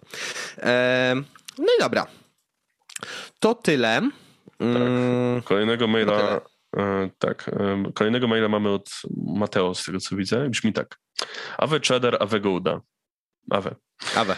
E, panowie, byłem dziś u fryzjera, no i jak tu u fryzjera? Smoltok się toczy. Miałem okazję podsłuchać e, rozmowę operatora nożyczek i grzebienia ze starszym dziadkiem na krześle. Gadali o programie 500+, i fryzjer wysunął moim zdaniem ciekawą propozycję. Cytat e, nie jest oczywiście wierny, bo nie spisuje wszystkiego, co mówią po stronie ludzie. Wie pan, moim zdaniem to do, do rozmnażania powinno się zachęcać ludzi bogatych, bo biedni to tylko przejadą te socjale. Ale wiadomo, bogatego 500 zł nie przekona. Mam taki pomysł, że im więcej ktoś ma dzieci, tym niższe powinien płacić podatki. Tak z każdym dzieckiem, 10% mniej. A przy dziesiątce dzieci to nie płacisz wcale. Jeśli, e, jeśli pokaże miliarderze zostawałoby 10 milionerów, jego spadkobierców, to społeczeństwo bardzo by się wzbogaciło. Myślę, że smykałka do biznesu to jest coś, co można przekazać w genach. Poza tym Polska stałaby się rajem podatkowym, ludzie z całego świata sprawdzaliby się tu swoje biznesy i zakładali rodziny. Oczywiście zniżka byłaby tylko na dzieci z polskim obywatelstwem. Co sądzicie o tym pomyśle? Czy koleś marnuje się jako fryzjer i powinien iść w politykę? Smacznie kawusi jebać prezydenta Białorusi, Mateo. No, to było piękne pozdrowienie na koniec. E, znaczy tak, na pewno byłby to lepszy system niż obecne 500, które nie dość, że udowodniono, że po prostu nie działa na demografię, to jeszcze udowodniono, że jest to program, na którym możemy tylko tracić. W sensie to nie są pieniądze, które są w stanie, e, inaczej, e, pieniądze, które przekaże się w ten sposób na dziecko, nigdy nie zwrócą się w podatkach. Więc po co to robić? Takie proste pytanie, nie? Um, no i cóż, mm, obniżanie stawek podatkowych dla rodzin wielodzietnych. Mamy już tego typu programy, tylko one są, wymagają właśnie posiadania tej karty dużej rodziny i tak dalej, i tak dalej, więc samo uproszczenie tych procedur na pewno mogłoby pomóc, e, że po prostu z samego faktu, że masz x dzieci i tam, nie wiem, dostajesz jakiś świstek tylko z urzędu i napierdzielasz go gdzie chcesz i tam... Albo nawet urząd sam powinien prowadzić. Nawet urząd powinien sam ja bym no? się nie bał świstki, tylko poszedł jakieś karty takie jak bankowe, które można skanować. No, oczywiście, w sensie chodzi o to, żeby y, używać tego przy ewentualnie jakichś zakupach, czymś takim, ale urzędy to same w ogóle powinny prowadzić taki katalog i skarbowa nie powinna dojeżdżać do takiego człowieka, że on się musi tłumaczyć, że ma dzieci. Przypomnę tylko taką dość zabawną historię z mojego życiorysu, że moja mama pod koniec moich studiów musiała się tłumaczyć, że od 26 lat ma syna i on żyje. Bo Urząd Skarbowy uznał mnie za martwego i uznał moją mamą za skamerkę, która próbowała przekręcić e, ich na podatkach. Witamy w Polsce. Zostałem oficjalnie uznany za martwy przez Urząd Skarbowy. Um, tak czy inaczej, um, brzmi to dobrze na papierze. I z tym dziedziczeniem w genach cech przedsiębiorczych, ja może nawet poniekąd bym się zgodził, bo z tego co na razie czytałem sobie na temat psychologii, psychologii rozwojowej szczególnie, to właśnie nie ma konsensusu naukowego w tym temacie. Mm, przyjmuje się ewentualnie, mhm. że jasne, y, nie, raczej przyjmuje się, że nie rodzimy się jako to, totalna tabula rasa. Dziedziczymy pewne cechy rodziców albo kombinacje tych cech. Natomiast to nie znaczy, że nie można ich zmienić czy przekręcić w ciągu życia. I to, że nie wiem, urodzimy się w powiedzmy rodzinie głęboko socjalistycznej, nadal mamy szansę wyrosnąć na kapitalista. Po prostu zaczynamy z innymi bazowymi e, ideami i być może innymi argumentami będzie trzeba do nas docierać w trakcie życia, tak? Ale nic nie stoi na przeszkodzie, by się zmienić. E, I teraz tak, no. Czy dzieci milionerów są zawsze takie zdolne? No, jedne przepuszczą kasę, a drugie faktycznie mogą z tego zrobić biznes. Więc ten program jest niezły, ale nie powiedziałbym, że to oznacza od razu, że jak miliarder umiera i zostawi spadek setce dzieci, to to znaczy, że będzie mi e, powiedzmy 100 dużych firm w Polsce. Nie, nie, nie. oczywiście, Moim że nie. zostałoby, nie wiem, z 20. To jest kwestia powiedzmy. wychowania, kwestia tego, co tłoczy dziecku, czy dziecko ma predyspozycję, nie, czy a, mu a właśnie, chce, czy nie jest chore na przykład.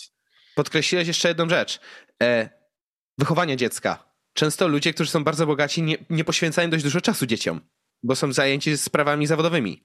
Zależy. Też na przykład jest czynnik. Znaczy nie mówię, że zawsze, ale mm. często.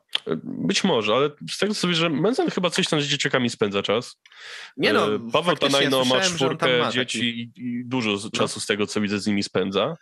E, więc e, mimo wszystko tam widzę, że te osoby bardziej przedsiębiorcze inwestują w dzieci rzeczywiście. Nie, nie, ja nie mówię, że rzeczywiście tego trendu nie ma, bo Mencen to nawet słyszałem, i to od osoby, która o niego pracuje, że e, Mencen chyba ma zakaz w ogóle wykonywania telefonów służbowych w jakichś tam godzinach, bo spędza czas z rodziną, nie? Mhm. E, natomiast, natomiast zdarzą się przypadki dzieci, które były pomijane. Nie wiem czemu, ale mi się teraz przytacza historia rodziny królewskiej Wielkiej Brytanii, która przez lata była tłamszona tak naprawdę w bardzo surowym wychowaniu. Na przykład mm. um, król Jerzy VI, który prowadził Wielką Brytanię przez II wojnę światową, jąkał się dlatego, że za dzieciaka był głodzony i bity przez niańki. I nie miał za dużo kontaktu z matką i ojcem. Ojciec zresztą był w cholerę surowy. Jerzy V był człowiekiem, który był bardzo, bardzo taki wyniosły, nie? Zresztą kurna, no nawet za Eli drugiej, nie, no mamy podobne problemy, to znaczy ona zaczęła liberalizować jakby tę politykę względem swoich dzieci, ale wciąż widać, że niektórzy wyrośli na normalnych ludzi, a niektórzy kurna poszli w śluby z jakimiś Amerykankami i simpią w programach dla milionerów, także cóż, raz wyjdzie, raz nie wyjdzie. Natomiast czy e, fryzjer miał rację, znaczy program obniżek podatków byłby na pewno zyskowny dla państwa względem 500, więc tak. typ na pewno dobrze kmini. Tylko pytanie, czy sprawdziłby się w polityce? Jeżeli będzie umiał to prowadzić tak, tłumaczyć tak prostymi słowami, jak tutaj wytłumaczył, i może by się jeszcze skonsultował z jakimiś ekspertami, żeby dobrze gadać, to może jest szansa dla niego, żeby nie operował nożyczkami, a spółką Skarbu Państwa. Nie, pomysł brzmi no, bardzo tak. fajnie i no, na pewno jest dużo lepszy niż obecne programy socjalne. E, ale Przede wszystkim pieniądze z tego będą, no bo kurna... co, z jednej dobra. strony tak, ale z drugiej strony problem z naszym społeczeństwem polega na tym, że my nie zauważamy, jak nam się nie odbiera. Tylko ludzie u nas w większości zauważają, jak im się daje i to jest problem. Mm. Nie twierdzę, że nie.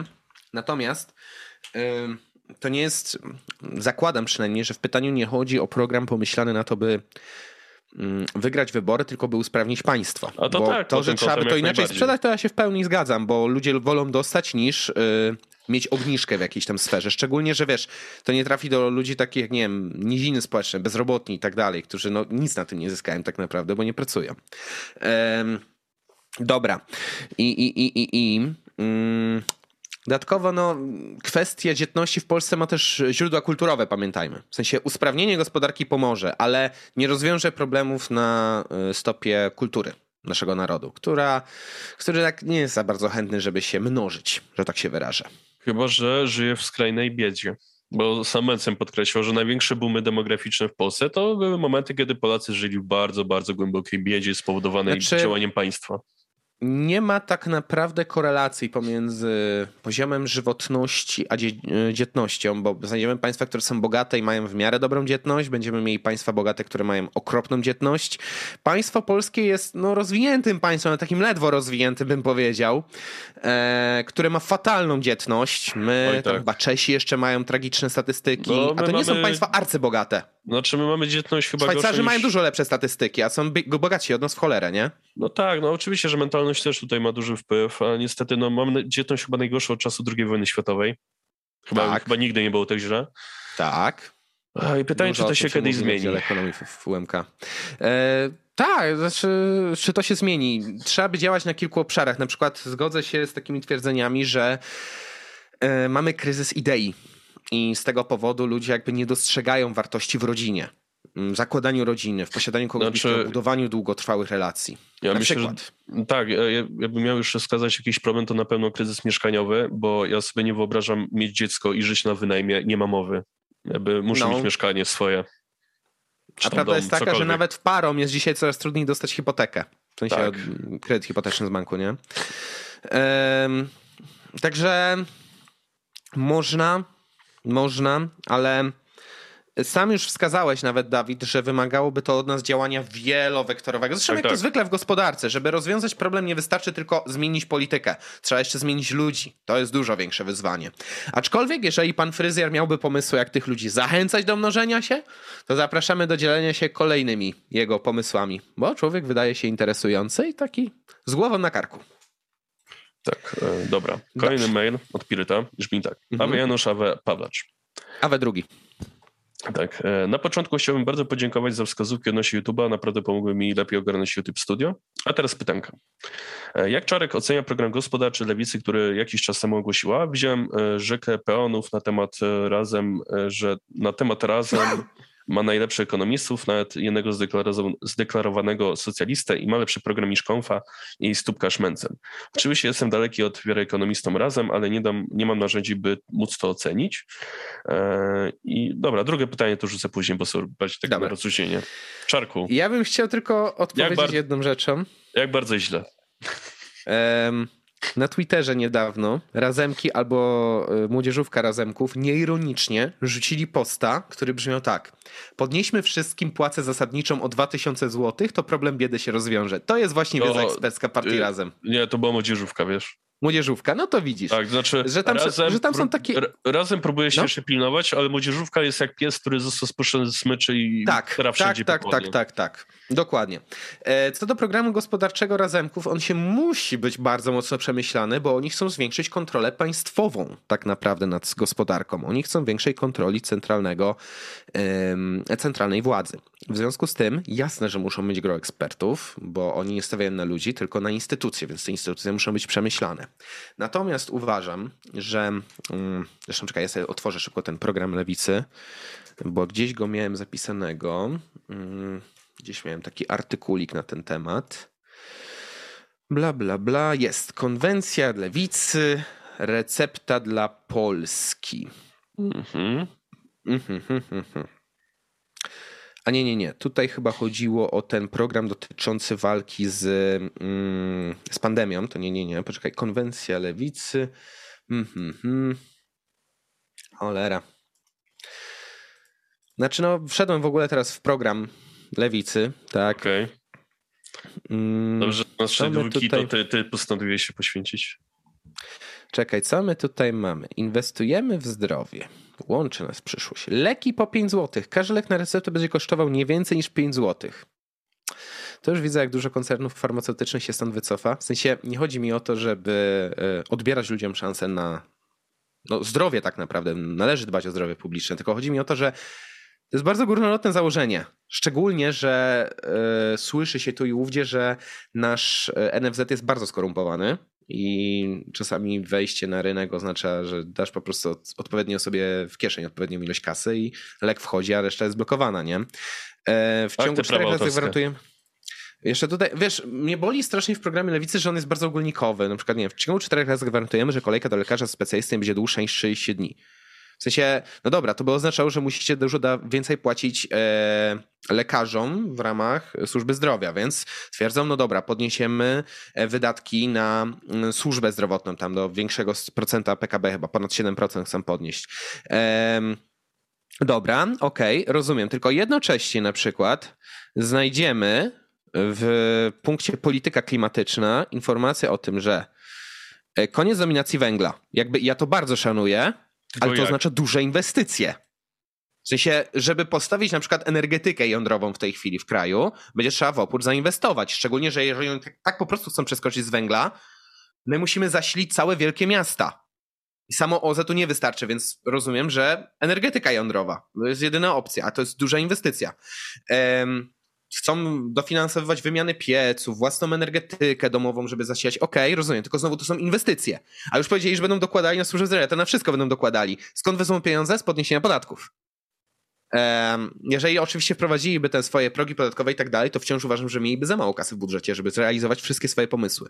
Więc wierzę, że program Lewicy jest tak przemyślany, że on zachęca bardzo dużą ilością rzeczy, w sensie o, tu pomożemy środowisku, tu pomożemy tam, nie wiem, biednym, tutaj, nie wiem, chorym i tak dalej, i tak dalej ale ostatecznie jest to, trzeba dostrzec, program, który nie zrealizuje swoich wszystkich punktów. Tak samo jak Konfa ma ten problem, że no, nie mogliby tak radykalnie ściąć sobie państwa, e, jak sobie to planują, aczkolwiek oczywiście wierzyłbym, że zaczęliby redukować e, sektor państwowy. Jeżeli mieliby pełnię władzy, oczywiście. I tak samo lewica nie zrealizuje swoich wszystkich pomysłów, aczkolwiek wierzę, że mogliby dążyć po prostu do większej centralizacji decyzyjności e, w poszczególnych jakichś tam sektorach gospodarki. Więc e, jak oceniam ten program, to nie jest moja bajka zdecydowanie. E, dodatkowo jeszcze. Mm, znaczy, jedyne co mógłbym poprzeć z projektów lewicy ostatnich, na przykład właśnie w ramach tego projektu Recepta dla Polski, czyli do tego programu niby ratowania nas przed pandemią koronawirusową, podniesienie wydatków na służbę zdrowia. Szczerze, nasza służba zdrowia jest, wymagałaby po pierwsze rewitalizacji, czyli dokładnego przejrzenia i najlepiej odchudzenia NFZ-u w tym sensie biurokratycznym, a po drugie, yy, ja bym jeszcze to scyfryzował dużo bardziej. To powinien, tam nie powinno siedzieć to na urzędników, to, to powinien być system, który tym zarządza. No tak. Mm, I wtedy oczywiście rozumiem, że no dobra, wyhamujemy tutaj wydatki na biurokrację, możemy wydać więcej, żeby e, zasilić służbę zdrowia, której no potrzebujemy, bo mamy coraz większy kryzys w służbie zdrowia, coraz dłuższe kolejki i to nawet z takimi przypadłościami jak nowotwory. To nie jest zabawne ani trochę. Ehm, więc Oczywiście w każdym programie każdej partii politycznej znajdą się punkty, z którymi się zgodzę. Aczkolwiek jako ogólnik projekty mogę uznawać za mniej lub bardziej niemożliwe do realizacji i lepiej lub gorzej sprzedane. Lewicowy to nie jest po mojej. To nie jest moja wizja polityczna.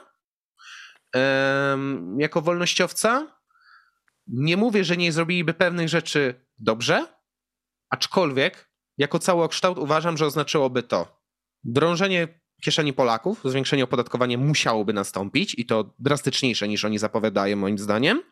I kolejna rzecz to to, to, to no mam wrażenie po prostu, że oni mogliby nawet jeszcze lęco szybciej niż PiS doprowadzić nas do takiego PRL-u 2.0.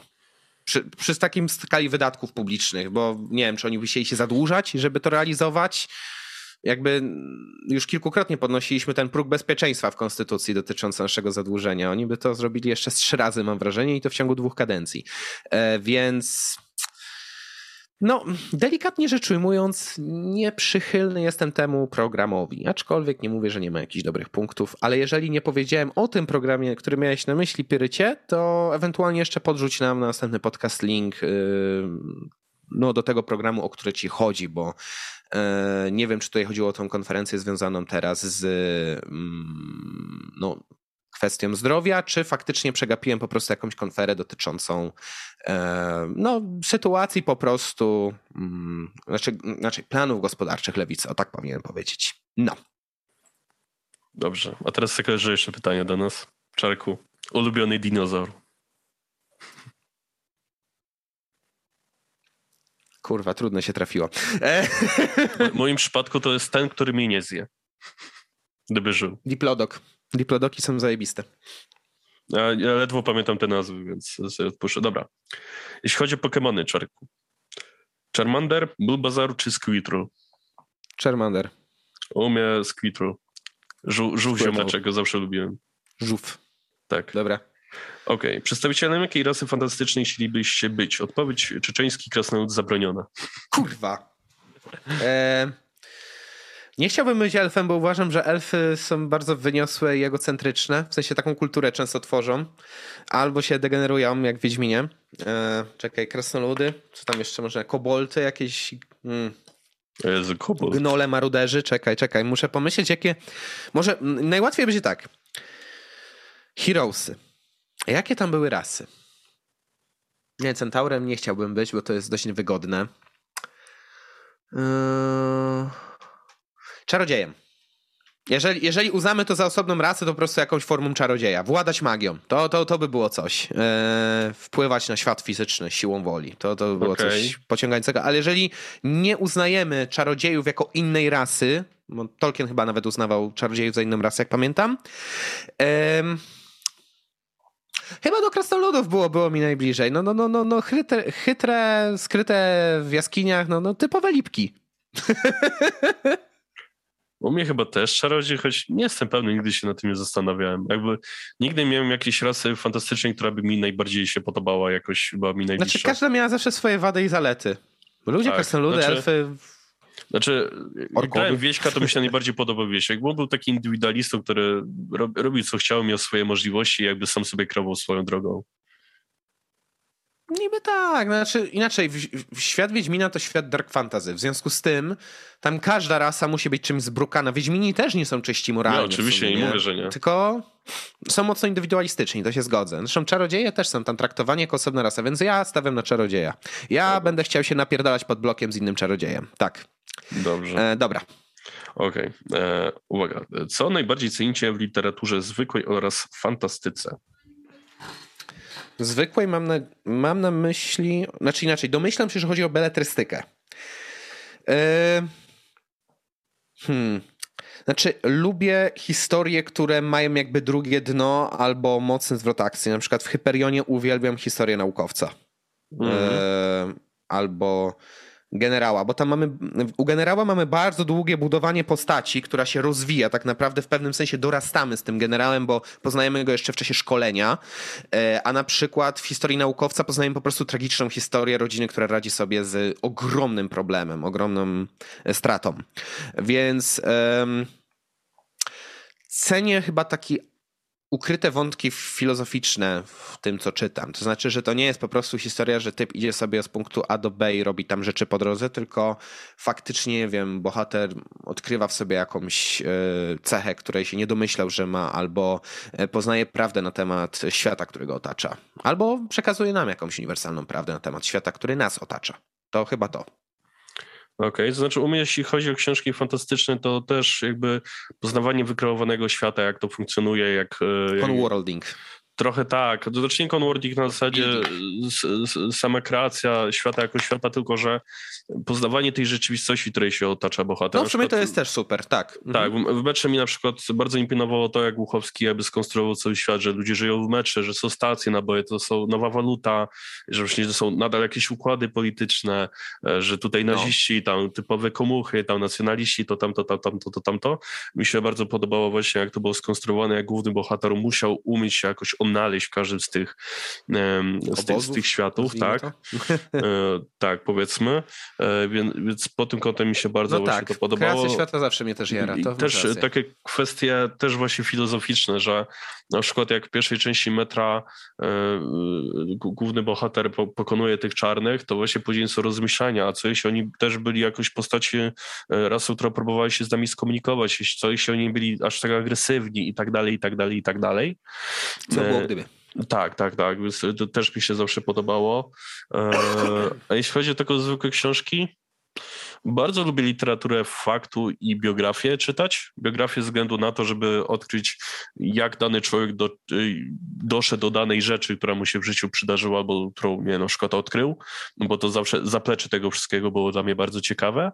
E, jeśli chodzi o literaturę faktu, to po prostu lubię sobie poszerzać wiedzę na temat tego po prostu trochę, jak działa świat, e, odkrywać jak działają, nie wiem, dane substancje, dane kwestie polityczne, niepolityczne, żeby po prostu też być po prostu bardziej świadomym i świadomym tego, że no. świat nie jest czarno-biały, tylko że to są właśnie odcienie szarości. E, tak, no ja w sumie też, wiem, u mnie bardziej literatura popularno-naukowa, czy nawet naukowa, bo co jakiś czas jakiś tam artykulik mi się przeczyta, jak mi tam rajcuje jakiś temat szczególnie. E, na przykład ostatnio dowiedziałem się takiej rzeczy z jednego artykułu, że mm, e, wreszcie się dowiedziałem na przykład Dawidzie, e, mhm. dlaczego e, nie należy mieszać ze sobą alkoholu i MDMA. Wywołuje znaczy... to bardzo burzliwą reakcję chemiczną w żołądku, która może spowodować po prostu wymioty.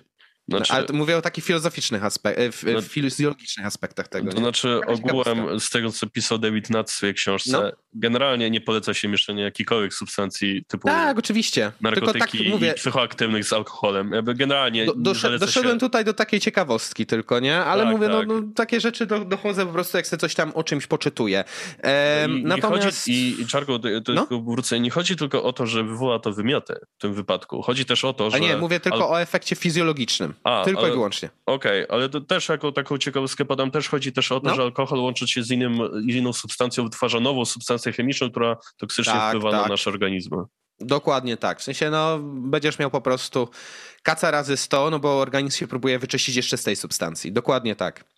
Um, no i dobra. O, o i jest ostatnie pytanie. pytanie do ciebie. Właśnie, jaki jest Dawaj. twój ulubiony monsterek? Ja chyba klasika bym postawił mimo wszystko. W sensie Mówisz? staram się, tak, w sensie staram się unikać tych e, cukrowych, więc ostatnio to dużo tych winogronowych, tych fioletowych piję i te białe Zero Ultra mi nigdy nie przeszkadzały. Um, więc raczej po to ostatnio sięgam, ale jak chodzi o sam smak, to bym stawiał na klasycznego Monstera. Bardzo lubię ten smak, chociaż staram się tego unikać. Okej, okay. no u mnie, jak doskonale wiesz, Ripery, Ripery, jeszcze raz Ripery. Tak. U ciebie to jest. Y, ja jestem prostym człowiekiem. Ja patrzę sobie. Widzę. Ripera kupuję. Tak. Ja, tak, ja, zresztą nie tylko w kwestii Monster. Ja miał do końca życia jeść, jeść tylko jeden obiad, jedno drugie danie, to też bym bardzo szybko się zdecydował. Hmm, podobnie w sumie. W sensie mi nie przeszkadza po prostu jedzenie tego samego dzień w dzień. Niektórych to strasznie boli, a eh, ja do przeżycia. Tak, dobra. dobra. Mamy ostatniego maila od wolnego Seby. U. I brzmi tak. A czemu Witam. nie szybkiego? Nie wiem. Ale lecimy. Witam. Jestem na tym kanale od samego jego początków. Nigdy nie pisałem, ale tym razem stało się coś, co sprawiło, że muszę. W ostatnim odcinku poruszona została kwestia statystyk YouTube'a odnośnie oglądalności na kanale i muszę się przyznać, że chyba zabijam wam oglądalność. Zawsze słucham was w drodze do pracy, ale tylko 15 minut, więc waszego podcastu zdarza mi się słuchać e, cały tydzień w urywkach, zatem odpalam, mm. słucham kilka minut, zamykam i tak niezliczoną ilość razy. Dla algorytmu mogę być za każdym razem nowym wejściem w czasie, którego ktoś posłuchał chwilę i wyłączył. Algorytm może więc uznać, że nie było to dla mnie ciekawe i nie polecać filmu dalej. E, mam nadzieję, że tak nie jest, ale jeżeli Y, tak, to bardzo przepraszam i postaram się was w naszych kawałkach. No i cieszę się też, że y, Czarek mi żartuje ostatnio, bo nie wiem co gorsze, żart Czarka czy cisza ze strony Dawida.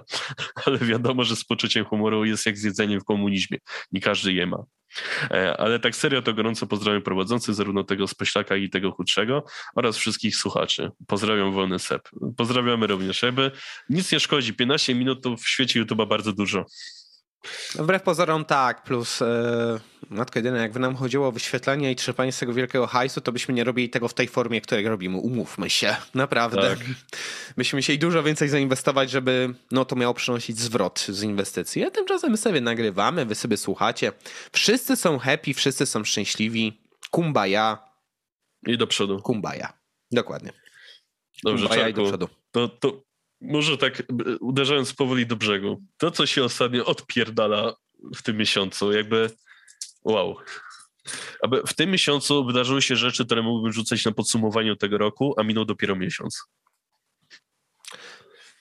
Proszę, od czego chcesz zacząć, Dawidzie? Właśnie nie, tych rzeczy jest dużo, ale dobra, może zacznijmy od kwestii takich niepolitycznych. Microsoft Dobrze. wykupił Activision Blizzard. No nie spodziewałem się. Znaczy, to znaczy inaczej, spodziewałem się, że może to prędzej czy później nastąpić, bo przecież wcześniej kupili BDSD, ale nie sądziłem, tak. że aż tak szybko. I że kupią znaczy... firmę, która ma w tym momencie taki PR-owy kryzys, ale chyba, chyba będą Ale wykorzystali, mocno... właśnie przez ten PR-owy kryzys im poleciały strasznie ceny akcji. No właśnie. Więc wykupienie ich było łatwiejsze, nie? Tak, Więc mi się coś... wydaje, że całkiem sprytny ruch. Tak, z tego co słyszałem, e, prezes Blizzarda ma chyba polecieć, bo jakby głównie wokół niego się cały gówno toczy tak naprawdę, więc No well. popatrz pan. E, tak, ale no przyznam jestem pod wrażeniem, bo Microsoft coraz więcej tego rynku gamingowego sobie zagrabia i to nie tylko jakieś indie studia, które robią małe rzeczy, tylko też takie behemoty e, i zastanawiam się Czarku w tym wszystkim, czy to powoli nie zmiesza do podobnego scenariusza, który miał miejsce w latach 90. z Microsoftem. Chodzi ci o to, że będzie centralizacja rynku?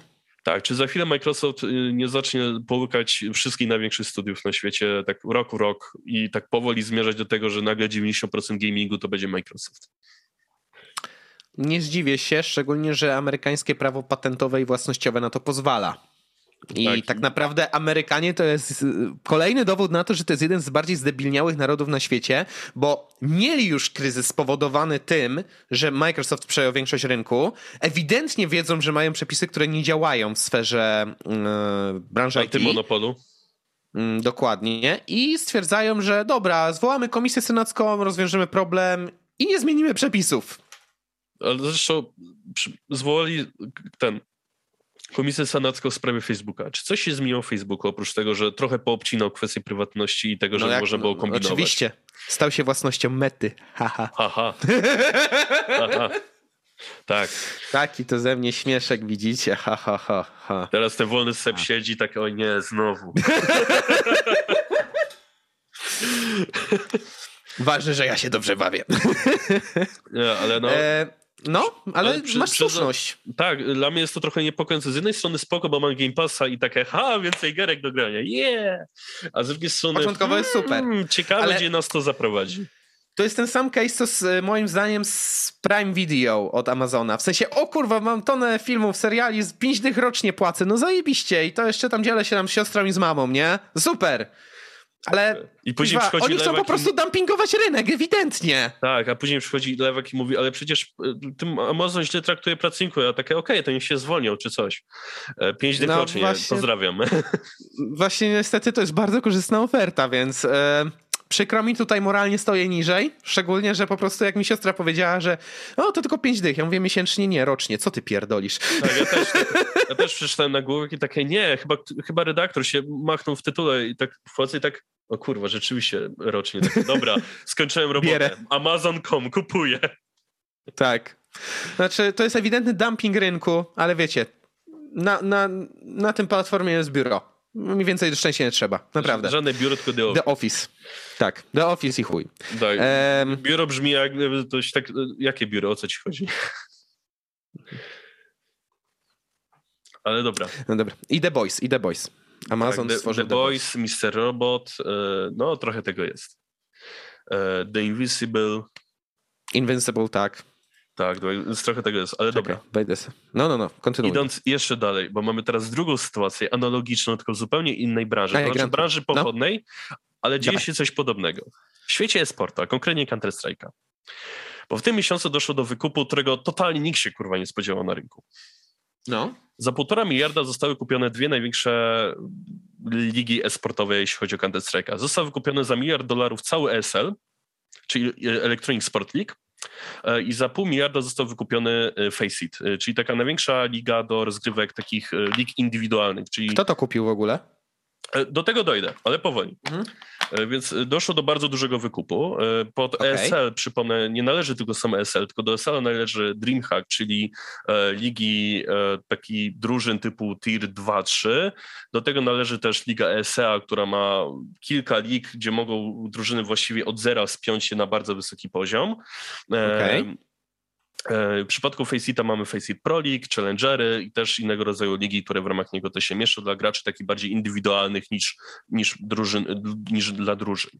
E, I e, mówi się jeszcze w kularach o tym, że ma być wykupiony podobno jeszcze Blast i ma być jeszcze połączony z ESL-em i Faceitem. Faceit z ESL-em będą się będzie łączony, czyli będą łączone konta ligi i tak dalej. Hmm. I mówimy o bardzo niebez, niebezpiecznej sytuacji, gdzie za chwilę w przypadku Counter-Strike'a może w jednej instytucji być 80% rynku, y, jeśli chodzi o ligi e-sportowe.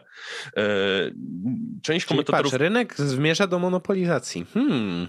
E, I mało tego, część komentatorów pisała, ej, Valve, nie zainterweniujesz, jakby w jednym ręku jest nagle 80% lig z twojej gry. Jakby, jakby tak, nie wiem, może zareagować jak Riot i zrobić ligę zamkniętą, zamknięty system, cokolwiek. E, ale na chwilę obecną cała sytuacja się rozwija, mówi się o tym, że będzie jeszcze więcej łączeń i że powstanie jeden wielki behemoth sportowy, jeśli chodzi o Counter-Strike'a. Zobaczymy, jak to się rozwinie. A odnośnie tego, kto to wykupił. E, wykupiła to firma, która nazywa się e, Savvy Gaming Group. I ktoś by stwierdził, dobra, jakaś tam firma wykupiła, ma teraz wszystko w jednym ręku, nic takiego złego.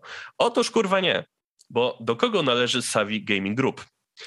Głównym fundatorem Savvy Gaming Group jest, uwaga, Fundusz Inwestycyjny Arabii Saudyjskiej. O ja pierdolę tak, Arabia Saudyjska wykupiła sobie 80% rynku esportowego Counter-Strike'a. Gratuluję. ASL przypomnę, że jeszcze organizuje ligi i turnieje jeszcze w innych rozgrywkach esportowych, więc Ty. de facto gruby kawał esportu sobie kupiło państwo. Ale w sumie rozumiem, dlaczego to zrobili. Mamy kryzys ewidentnie na e, ropie teraz, tak? Więc ropa drożeje, ale w dłuższej perspektywie myśląc, mhm. ta ropa się w 100 lat skończy. No tak. Więc kraje, które śpią w tej chwili na ropie, muszą znaleźć inne źródła dochodu. Tak, Dlaczego nie esport? To jest usługa, to jest genialne. Znaczy, jak najbardziej, masz rację, to jest usługa. W ogóle po tym kotem wszystko absolutnie się zgadzam. Tylko kurwa, kupować 80% rynku, jeśli chodzi o organizatorów rozgrywek esportowych, to na takim naprawdę najwyższym poziomie. Więc wow, wow. Więc to naprawdę duże wydarzenie.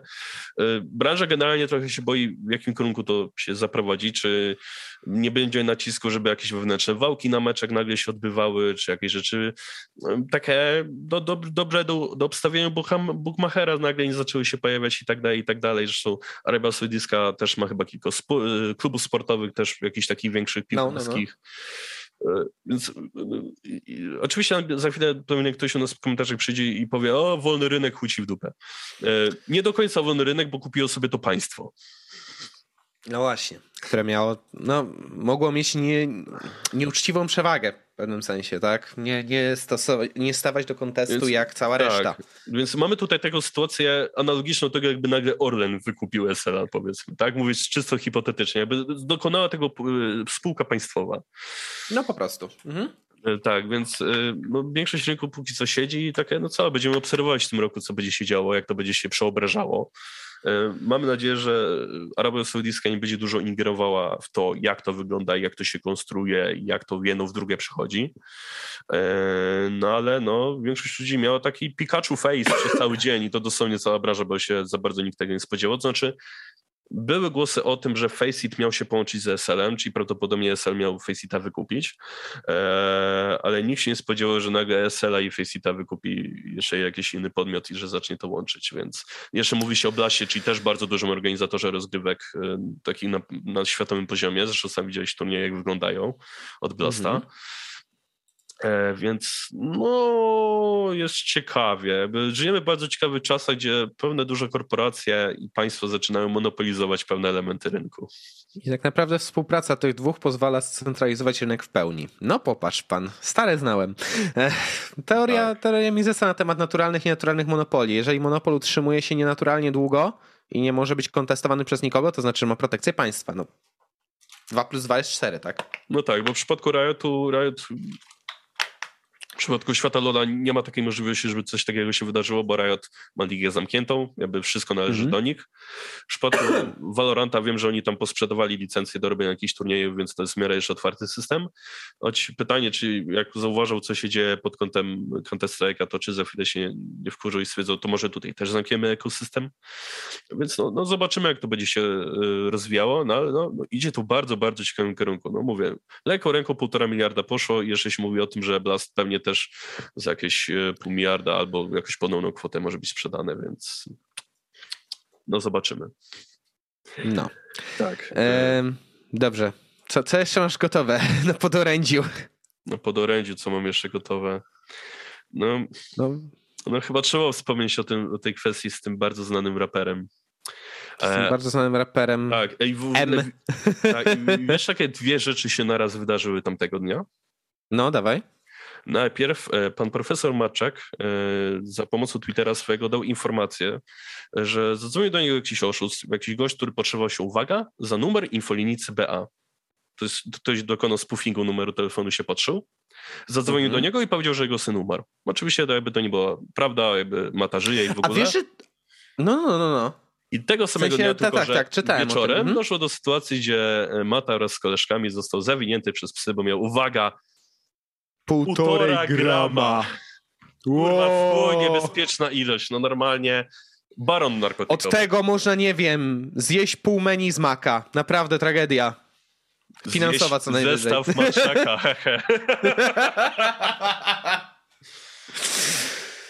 Mm, w ogóle mnie, wiesz co jeszcze bawi mnie w tej sytuacji? No. Że zawsze jak się czyta artykuły, to jest Michał M., szerzej znany jako raper Mata. Mata profesor, pro, y, syn profesora Matczaka. No, ciekawe, jakie ma nazwisko. E, znaczy, myślę, że Mata to se tutaj rozgrywa po prostu świetną grę marketingową. Znaczy, ja myślę, nie dziwię Mat... mu się, że pozwolił się zamknąć. Znaczy, nie miał innego się wyboru. Zwinąć. Jakby. Znaczy, nie o to chodzi, tylko że podobno przy zatrzymaniu to on w ogóle się pochwalił tym policjantom, że ma. Jakby chciał być zwinięty. Co znaczy... oznacza, że to jest część kampanii marketingowej, zakładam. W sensie, o, walczymy o wolne konopie i tak dalej, nie? Być może, zobaczymy. Jeśli Niedźwiek siedział w celi i sobie nucił. Dzwoni papuga, mówi, że musi się udać. Znaczy, kurna, w sumie to jak sobie teraz myślę o tej sytuacji, to zauważ, że od razu się partie polityczne odezwały. Połowa partii, szczególnie opozycyjne, mm. nagle legalizacja marihuany, depenalizacja marihuany, każdy może brać co chce. Konfiarze jak się odpalili, ci to chyba najwięcej o tym na, zaczęli napierdzielać. No przecież Bo Berkowicz okazuje się, z tego, że... że on jest za, za legalem w pełni. Dokładnie, ale o to mi chodzi, że nie dość, że mieliśmy już tak komisję E, do spraw legalizacji, walić, że mm. wszystkie projekty odrzucono. E, nie dość, że mamy inicjatywę społeczną, która przybiera na sile i to się nie zmieni, to jeszcze dodatkowo mamy teraz tak naprawdę no celebrytę, trzeba powiedzieć, którego zwinięto e, w tej sprawie. Jak, dla mnie... Jaki kraj, taki J-Rock. you know what I'm saying? no. I'm saying? Uh, what I'm saying? Dobra, nie, nie odpierdalam. Tak czy siak, y, w sumie myślę, że dla osób, które są za legalką albo depenalizacją przynajmniej, to jest świetna sytuacja. No bo nagle mają takiego matczaka po swojej stronie, który mówi: tak, to powinno być legalne. Tak, dałem się zwinąć. Popatrzcie, jaka niesprawiedliwość. Za półtora grama jeszcze, nie? To, to, moim zdaniem świetną kampanię marketingową sobie robi. I teraz tak, jak nagra coś o tym, wygryw. Jak partie Ale... polityczne będą dawały mu atencję, znaczy ze względu na niego znaczy, atencję tej sprawie, no to nagrał wygryw. tyle, ile się dało. No ja wiem, ale On wiesz, się jeszcze chodzi o to, że... z maty w jakiś skład, chyba z popkiem, skute bobo, czy jakoś tam się nazywa. Coś tam było, ale wiesz, to nie odniosło ewidentnie sukcesu. W sensie wszyscy to zaczęli krytykować, nie? Jak 100 dni na maturę jeszcze znajdowało swoich obrońców, tak młody Matczak był powszechnie raczej nielubiany. Więc myślę, że on szuka sobie po prostu podkładki marketingowej, żeby zrobić kolejny jakiś taki hicier w stylu polskiego e, ja chciałem powiedzieć polskiego tanga, ja pierdolę. E, w stylu tego mm, patoreakcji na przykład, albo patointeligencji. No, po, powiem tak, no zobaczymy jak to się rozwinie ta sytuacja, póki co wszystko jest w toku. E, pan profesor Maczek pewnie ma co robić. Tygodnik nie też świetnie zaśmieszkał z tej sytuacji, pisząc, oby miał dobrego adwokata. E, e, ale tak idąc jeszcze ciut dalej, bo okazało się, że e, rozwinęła się jeszcze afera związana z Pegasusem. O Boże. Wiesz, no. okazało się, że Pegasusem, uwaga, śledzony, podsłuchiwany, zwał jak zwał, był, uwaga, lider Agrounii, E, o, proszę. E, tak, okazało się, że w roku 2019 e, był podsłuchiwany. Citizen Lab, czyli jakby ta instytucja kanadyjska, która też wykryła to u innych polityków, zeskanowała iPhone'a pana Kołodziejczaka i potwierdziła, że tak, są tam ślady użycia Pegasusa w roku 2019. Od razu zdementuje jedną rzecz, którą ktoś może się dopróć, a być może nie doczytał, ponieważ część komentatorów w świecie pisała, nie, to jest fake, bo tam przy tym, przy tym informacji Kołodziejczaku jest podane numer seryjny telefonu. Jak się to sprawdzi, to wychodzi, że to był iPhone 11, a w tym, w tym roku był on dopiero prezentowany i jeszcze go nie było na rynku. Więc uwaga, ja z mojej strony dementuję, bo e, sprawę hmm. wytłumaczyła bardzo szybko zaufana trzecia strona. E, chodzi o to, że gdy migrujemy dane z jednego iPhone'a na drugi, to nadpisuje się numer seryjny po prostu, nowego telefonu. Tak. I w mhm. efekcie wykryto pliki z roku 2019, które iCloud pomiędzy jednym a drugim iPhone'em przeniósł podczas konfiguracji. E, tylko mam mhm. napisany numer seryjny na nowy telefon, a tak naprawdę chodzi o jakby atakowanie go w roku 2019. Więc tutaj po tym kątem to, że jest nowy numer seryjny, który się nie zgadza, jakby nie ma nic do rzeczy, bo po prostu pliki mają nadpisany ten numer automatycznie, gdy się przenoszą. I mało tego, co się okazało? Okazało się, że prawdopodobnie Paweł Kukis wiedział o tym, że Kołodziejczak był podsłuchiwany. O proszę, czyli kolejny zamieszany w sprawę, który milczał. Tak, no i teraz e... jest blisko władzy. No popatrz pan, co za tak, przypadek. Tak, i bo uwaga, Gazeta.pl donosi, pozwolę sobie przeczytać e, e, fragment. Czas, w którym doszło do włamań Pegasusem na telefon Michała Kołodziejczaka nie był przypadkowy. Właśnie w 2019 roku Kołodziejczak zaczął mówić o przekształceniu ruchu społecznego politycznego Agruunia w partię, aby zaangażować się w wybory parlamentarne i spróbować wprowadzić do Sejmu swoich posłów. Wówczas Paweł Kukiz przekazał mu informację o możliwej inwigilacji. W czerwcu 2019 roku spotkanie się z Pawłem, z Kukizem, e, który jest członkiem Komisji do Spraw Służb, który dał mi jasno do zrozumienia, że służby się mną interesują. Dokładnie tak powiedział, że temat Kołodziejczaka, temat temat agrounii jest w zainteresowaniu Komisji do Spraw Służb i ciężko ze mną rozmawiać, bo służby się mną interesują. Powiedział Kołodziejczak w rozmowie Rzeczypospolitą. E, wejście do Sejmu Agruni byłoby niewygodne dla rządzących, gdyż ten ruch jest dystansowany wobec działań PiS. Kołodziejczak podkreślił, że Kukiz miał wiedzieć o zainteresowaniu służb nim i Agrounią z doniesień medialnych, ale uwaga, tylko, że wtedy żadne media o tym nie pisały, zauważył Kołodziejczak w Rzeczypospolitej. E, czyli mówiąc krótko, Kukiz się pięknie, pięknie podłożył e, z informacją, że wie, tylko Ale... że prawdopodobnie od służb. Widzisz, e, wychodzi na to, że ten Pegasus w ogóle był wykorzystywany do podsłuchiwania nie tylko takiej opozycji rządowej, ale także po prostu opozycjonistów, aktywistów. Tak. Pytanie, jak daleko to sięgało?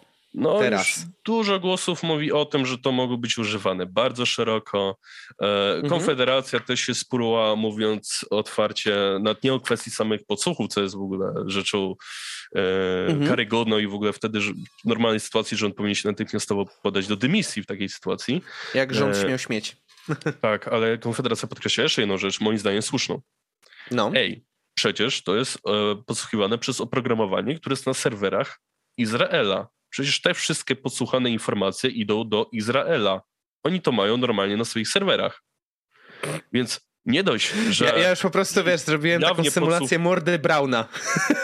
Tak, więc nie dość, że PiS jawnie podsłuchuje ludzi i jakby wszyscy o tym wiedzą i nikt z tym kurwa nic nie robi. To, to jeszcze jest to kurwa za granicą. To nie, to, że za granicą to jedno. Służby no. innego państwa wiedzą o Mają tym, co tego... robią nasze służby. Integralność narodu, proszę państwa. I to jeszcze Słowem... służby kraju, który ma z nami takie, takie pół na pół stosunki.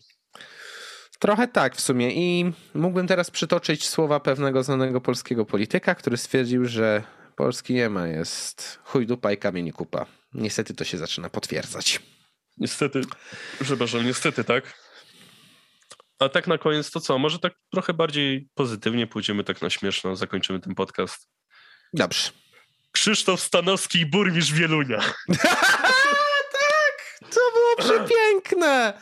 Boże, jak można Oj. było, jak można było to zrobić aż tak źle? W sensie, znaczy, wow! Jakby, może, je, może ktoś żyje pod Prowadź hehe, najpierw ludzi. Tak, może ktoś żyje pod hehe kamieniem i nie wie, co się dzieje. Dawaj. To może wprowadzę. Pan Najman Magale MMA VIP, czy jak ona tam się nazywa.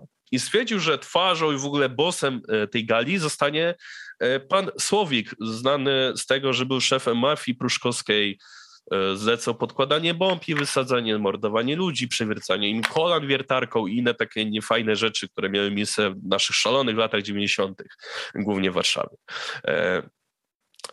I cóż, i gdy to ogłoszono, to zaczął się ogólny, ogólnopolski bojkot spowodowany m.in. przez pana Krzysztofa Stanowskiego, Bojkotujmy każde miasto, do którego zwróci się pan Najman, bo żadne normalne miasto nie powinno dać w ogóle zgody na zorganizowanie takiej gali, którego twarzą jest mafios.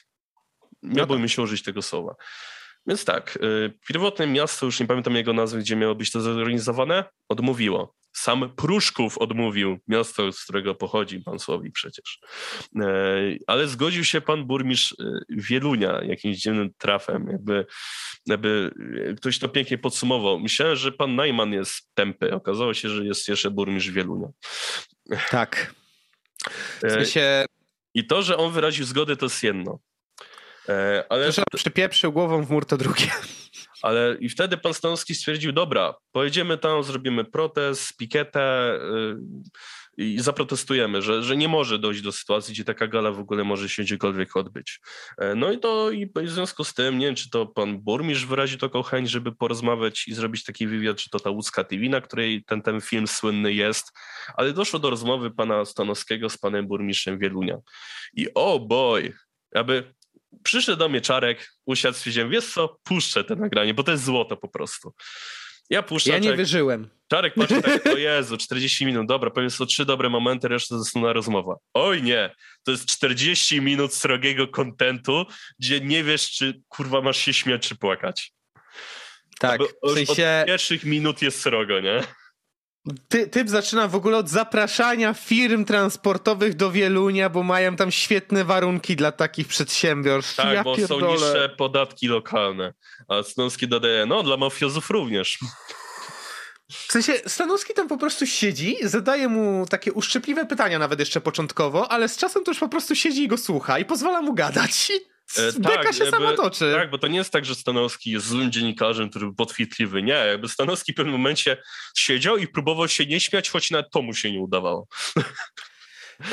Plus najlepsze jest to, że po tym totalnie nieudanym wywiadzie ten prezydent wielu nie wiem, czy jest tak bardzo odklejony od rzeczywistości, czy e, ma jakichś takich doradców, czy ma po prostu związane za plecami ręce, nagrał odpowiedź dla, mm, dla naszego drogiego dziennikarza, dla pana Stanskiego, który to odpowiedzi e, twierdzi, że no, ma dla niego miejsce, zapraszał na dyskusję i tak dalej. Może pierwsza była już tak w opór nieowocna, że Stanowski ewidentnie nie, nie chciałby raczej przyjąć tego zaproszenia i to jest w pełni zrozumiałe. A po drugie, przy momencie jak Stanowski chciał wyjść z pomieszczenia z tego wywiadu, w tak. drzwiach pojawia się Najman, a prezydent zatrzymuje gościa, w sensie Stanowskiego, żeby podał mu rękę. Przecież tak, to jest tak cholerny brak kultury i takie perelowskie załatwianie spraw politycznych. Nie, na uściśnięcie ręki na znajomości. Nie, wiesz, czy mi się to skojarzyło, ta sytuacja? Bo to no. nie jest tak, że, że Stanowski powiedział, że nie poda ręki i wyszedł. Nie, on przez dobre dwie minuty go zatrzymał i powiedział, że go nie puści, dopóki nie poda ręki. Ostatecznie tak. jakby y, Stanowski poszedł zaparte, mówić, że nie, jak chcę stąd wyjść, proszę mi dać stąd wyjść, bo inaczej y, coś tam, już nie dosłyszałem. E, mhm. E, I w końcu mu, mu, dano po prostu wyjść. E, wiesz, czy mi się to skojarzyło? To jest wszystkie sytuacje no. w szkole, gdzie jest jeden chuj, który się znęca na drugim, a nauczyciel stoi i mówi, podajcie sobie rękę na zgodę. Tak, to, to też jest jakaś analogia. Jest, Chociaż to, mówię... Dla mnie tak się... bardzo taka mhm. analogia, że... Nie, rozumiem. Znaczy ostatnio sobie po prostu trochę odświeżałem też wiedzę z zakresu y, tego, jak wyglądała polityka w latach tak od 50. do 90. w Polsce. Mhm. I o matko, ile tam dealów załatwiano właśnie na zasadzie, że wiesz, ktoś komuś musi podać rękę, że ktoś kogoś musi e, gdzieś tam przeprosić w jakiś sposób. W sensie wiele załatwiano y, nie przez legalną legislaturę, no tak, tylko oczywiście. przez to, że tamten któremuś ukazał, nie wiem, usłużność, albo tamten tamtemu rękę podał, e, albo przez takie wyścigi. W sensie takie nasz... bardzo słowiańskie to jest w pewnym tak, stopniu, albo nie? ten z tamtym dziwnym trafem był na jednych studiach w Moskwie i o, o dziwo, o dziwo o. byli tam też pełni panowie w garniturach i się okazało, że jest układzik, układ, jest Zresztą, tych układzików no, w Polsce bardzo dużo. Że, pamiętajmy, że pierwszym prezydentem Polski po wojnie był Bierut, który był technicznie agentem NKWD. No tak, tak, no oczywiście. Także Partyjniactwo u nas niestety ma długą historię i zawdzięczamy to w dużej mierze Rosjanom. No i niestety no tak. widzimy pokłosie tego do dziś w takich wywiadach tak, jak ten. Na całe szczęście, że to jest bardziej śmieszne niż poważne. Znaczy, ma to aspekt poważny, jak się zastanowić nad tą sprawą, no bo faktycznie tam chodzi o to, że prezydent wielu nie jest ewidentnie skorumpowany. Dogadał ale, się z mafiozem, jakby nie było. Ale wiesz co, to, że się dogadał, to no. jedno, ale okazuje się, że to nie jest, że pan burmistrz może sobie wszystko i nie da się go zablokować. Otóż da się. Otóż co się okazało, co się stało? Została Rada? zwołana specjalna Rada Miasta ze względu tylko mhm. i wyłącznie na organizację tych wydarzeń. I jednogłośnie przegłosowano, że pana burmistrza to jebać ta gala to się nie odbędzie w Wieluniu. Dobrze. Więc, więc saga trwa, że tak zacytuję Belmondziaka. Mać. Tak. E, I tak, tak, tak kończąc tak absolutnie, tak do samego końca. E, Czarku, film Gierek, który wyszedł ostatnio. Ja czytałem, że te, z tym filmem jest źle wszystko, co się dało.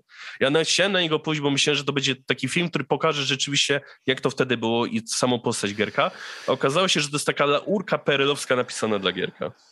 Tak, z tego co słyszałem jest tak. Znaczy, powiem tak. Właśnie jak ostatnio sobie czytałem, odświeżałem informacje na temat tamtych czasów, to Gierek właściwie wyjechał na tym, że był dość charyzmatyczny. W sensie tak. to był człowiek, który umiał przemawiać do ludzi po prostu i w tamtym czasie, gdy Gomułka już spadał z rowerka, wszyscy stwierdzili, no dobra, jego wszyscy lubią, to go weźmy, w ten sposób utrzymamy jakby sankcjonowanie naszej, naszego ugrupowania. Ale jednocześnie pamiętajmy, że to był człowiek, który dokonał masowych inwestycji, przepraszam, masowych inwestycji na pożyczkę z zachodu, przez co chwilowo mieliśmy małą odwilż, ale po, te inwestycje były tak chujowo pomyślane, że ostatecznie e, nie tylko nie zaczęły nam się zwracać, ale zaczęliśmy na nich tracić, więc wtedy mieliśmy wielką zapaść gospodarczą na koniec lat, mm. na przełom lat 70., 80.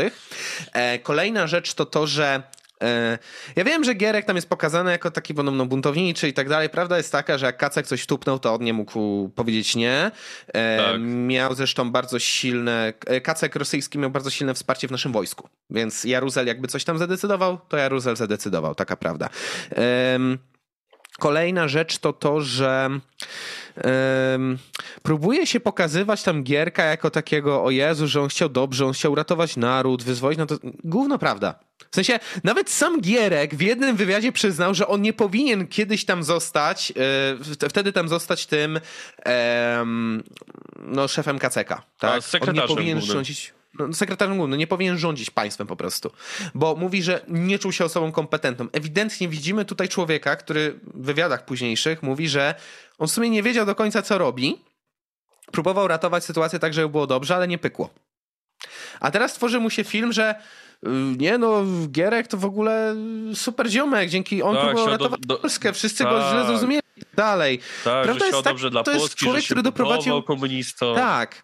To jest człowiek, który doprowadził do załamania gospodarczego. Jeżeli mamy już jakiś plus jego rządów, to takie, że no przez chwilę ludzie poczuli tą odwilż, to może to. Ale druga rzecz dużo szybciej zaognił, mam wrażenie, związanie się regularnych związków zawodowych, które następnie stanęły przeciwko e, niemu. Znaczy, mm, przyspieszył moim zdaniem związanie się z Solidarności, wydarzenia z 76 też raczej nie pomogły, e, pacyfikacje studenckie, tak. Także zjednoczył jeszcze bardziej naród przeciwko władzy. Bo Gierek, moim zdaniem problem tego filmu jest taki, że Gierka się przedstawia jako, jako dobrego ojca narodu jak władza była zagrożona, to on miał w dupie ten naród i go, był gotów pacyfikować ten naród. I dopiero no, pod koniec rządów to on właściwie tracił władzę, no to wtedy tam już odszedł na bok Jaruzelowi przekazano tak naprawdę de facto. Podkreślam, de facto. Bo to trochę bardziej skomplikowanie wyglądało władzę. Ehm, więc... No tak, jeszcze tylko jedną rzecz. No boli ten film, boli. No boli, bo wiesz co, jak ogłoszono, że będzie taki film i że właśnie tam Misiek Koterski miał zagrać w ogóle tego Gierka, stwierdziłem, o super, jakiś, może będzie dobry film o Gierku, o tym, co się wtedy działo, bo aż tak dużo nie wiem, a w formie filmowej to wiadomo, przystępniej można sobie to przyjąć, nie? E, później wyszedł ten film i miałem takie, o oh boy, o oh boy, naprawdę zrobiliście laurkę na komunistycznego skurwysyna, nieźle. E, wow, nice. Znaczy, z tak wszystkich tych przywódców komunistycznych, co mm, rządzili, to muszę przyznać, Gierek faktycznie był najłagodniejszym ze wszystkich. To, to, to też to tak słyszałem, że był najłagodniejszy ze wszystkich, oczywiście, że tak, e, ale no dodatkowo, kurde tak skopać wiedzę. Znaczy, ja słuchałem sobie audycji w czwartek, e, się nazywa Historia zna inne przypadki, to jest audycja Unions Radio, prowadzona przez doktora historii, super audycja, polecam. I właśnie oni sobie mówili o tym filmie i właśnie, oczywiście pierwsze co to zostało rzucone, absolutnie nie można tego przedstawiać, tego filmu jako film historyczny. No, absolutnie pod żadnym względem nie spełnia w ogóle tych warunków, to po pierwsze. Dokładnie. To jest zrobiona laurka dla Gierka i dużo rzeczy tam też przekręcono, że on nie by się tak buntował się e, partii głównej komunistom, że był taki dobry dla Polaków i też e, e, część rozmowy poświęcony też takim nie wiem, czy teoria spiskowa, czy mit Gierka, że mm -hmm. on mhm. był taki super, świetny, że on, że on nie chciał tracić tej władzy, ale zwykli komuniści go zmusili do tego. Gdzie prawda jest taka, że Gierek po prostu już miał choroby serca i układu krążeniowego na tyle poważne, że on sam już... Musiał zejść ze stołka musiał zejść ze stołka. Mało tego, y, on wraz ze swoim asystentem już przygotowywał taką mowę końcową, bo on chciał się podać po prostu do dymisji samodzielnie, dymisji. ze mhm. względu na stan zdrowia, który był coraz gorszy. No nie jest tak, że źli komuniści y, sprawili, że Gierek musiał odejść. Nie, on już sam był świadomy tego, ile rzeczy skopał w tym państwie i jak bardzo jego inwestycje, jego plany były nietrafione i że hasło pomożecie, no jednak nie pykło. Y, więc yy, mi nawet żal pójść na ten film jako ciekawostkę, bo ja wiem, że mogę z niego wynieść spojrzenie, które jest bardzo błędne na temat tego, co się wtedy działo. Mało tego, że było podkreślone, że producent tego filmu to jest osoba, która bardzo się pasjonuje tamtymi czasami i samą epoką Gierka. I aż mnie dziwi, że nie przedstawiono tych czasów tak właściwie, jak powinno. Chyba, chyba nie do końca właściwie bym powiedział się pasjonuje, skoro taką laurkę wystawia gościowi. Poza tym wiesz, reżyserem filmu był ten. Ja się spodziewałem, że ten film to będzie troszkę śmier ze względu na reżysera. To jest ten gość, który nakręcił. E, on kręcił jakieś takie etiutki, filmiki, które miały raczej kiepskie oceny. Na przykład e, tam widziałem, że jeden z jego filmów, Wściekłość, tam chyba 4-2 na Filmwebie, strasznie niska ocena.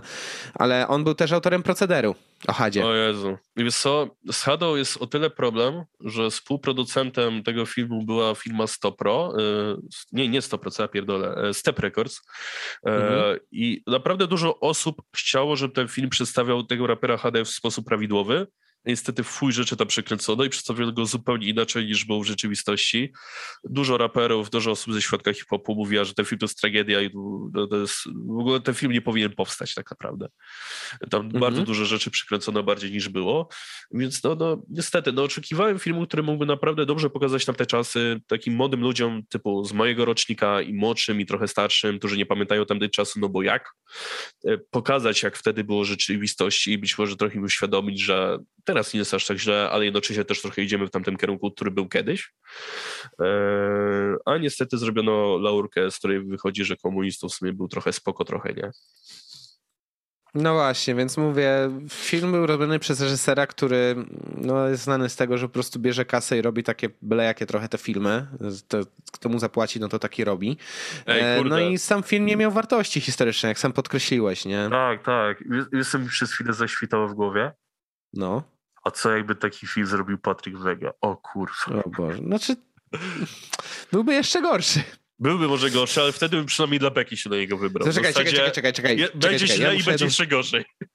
Muszę jeszcze jedną rzecz znaleźć, czekaj, czyli, e, dobra, e, czyli Papryk Wege prezentuje e, Gierek, e, czyli pierwszy tekst jaki będzie, to, to mogę porozmawiać z e, sekretarzem, sekretarzem generalnym? W chuju mam twojego sekretarza generalnego, wypierdalaj kurwa, e, uspokajać ludzi. Tej wiosny, ty, ja mu mówię, że będziemy inwestowali tutaj, nie, w wielką płytę, a ten skurwysyn mówi, że tam chuja nam to da, nie? Scenariusz napisany wraz z z ludźmi żyjącymi w PRL-u. Janusz Habiur. No, poszukujemy polityków gotowych, myślących niekonwencjonalnie poza schematami, potrafiących ogarnąć to chore skurwysyństwo. Robota na stresie na pełnej kurwie, czarna plansza. Kurwa, musimy zajebać te protesty w 76. Musimy. 2000, e, w 1970 roku polska gospodarka stoi, a w 80 są kartki, jeszcze trzeba było dopisać i tak dalej, i tak dalej. No, znaczy... a, a, Agnieszka Dygat. Aha, za getem NKWD to jeszcze się nie bałem. A nie, nie, to była ta, yy, wiem o którą ci chodzi. Yy, warenkę, warenkę, warenkę, Przepraszam serdecznie, przepraszam, warenkę, no. tak. No tak czy inaczej, memy piszą się niejako same i to chyba najlepiej będzie świadczyć jako reklama filmu. E, szczerze nie polecamy i myślę, że tym drobnym akcentem możemy już zakończyć dzisiejszą edycję podcastu, także wszystkim pięknie dziękujemy za wysłuchanie, jak zwykle tak. zapraszamy oczywiście do zadawania nam pytań, czy to na maila, e, czy to jakąkolwiek inną drogą komunikacji, ale mail będzie najlepszy. E, dodatkowo oczywiście przypominam, patroni są obsługiwani poza kolejką, ich pytania zawsze mają pierwszeństwo, w związku z tym zapraszam też do wspierania nas na Patronite, jeżeli ktoś chciałby się znaleźć poza kolejką. Przypominam, że można nas posłuchać na wszelkich możliwych platformach streamingowych i cóż... No najpopularniejszych, nie wszelkich możliwych. Najpopularniejszych. Tak. E, no i cóż, no i jeszcze można oczywiście no, no, życzyć wszystkim udanego tygodnia, tak, jak smacznej ktoś was, kawusi. Jak ktoś z was popełnił ten błąd i był na gierku, to dajcie znać jak było. Dokładnie. No i co? A my klasycznie słyszymy się za tydzień, także do następnego. Cześć, trzymajcie się.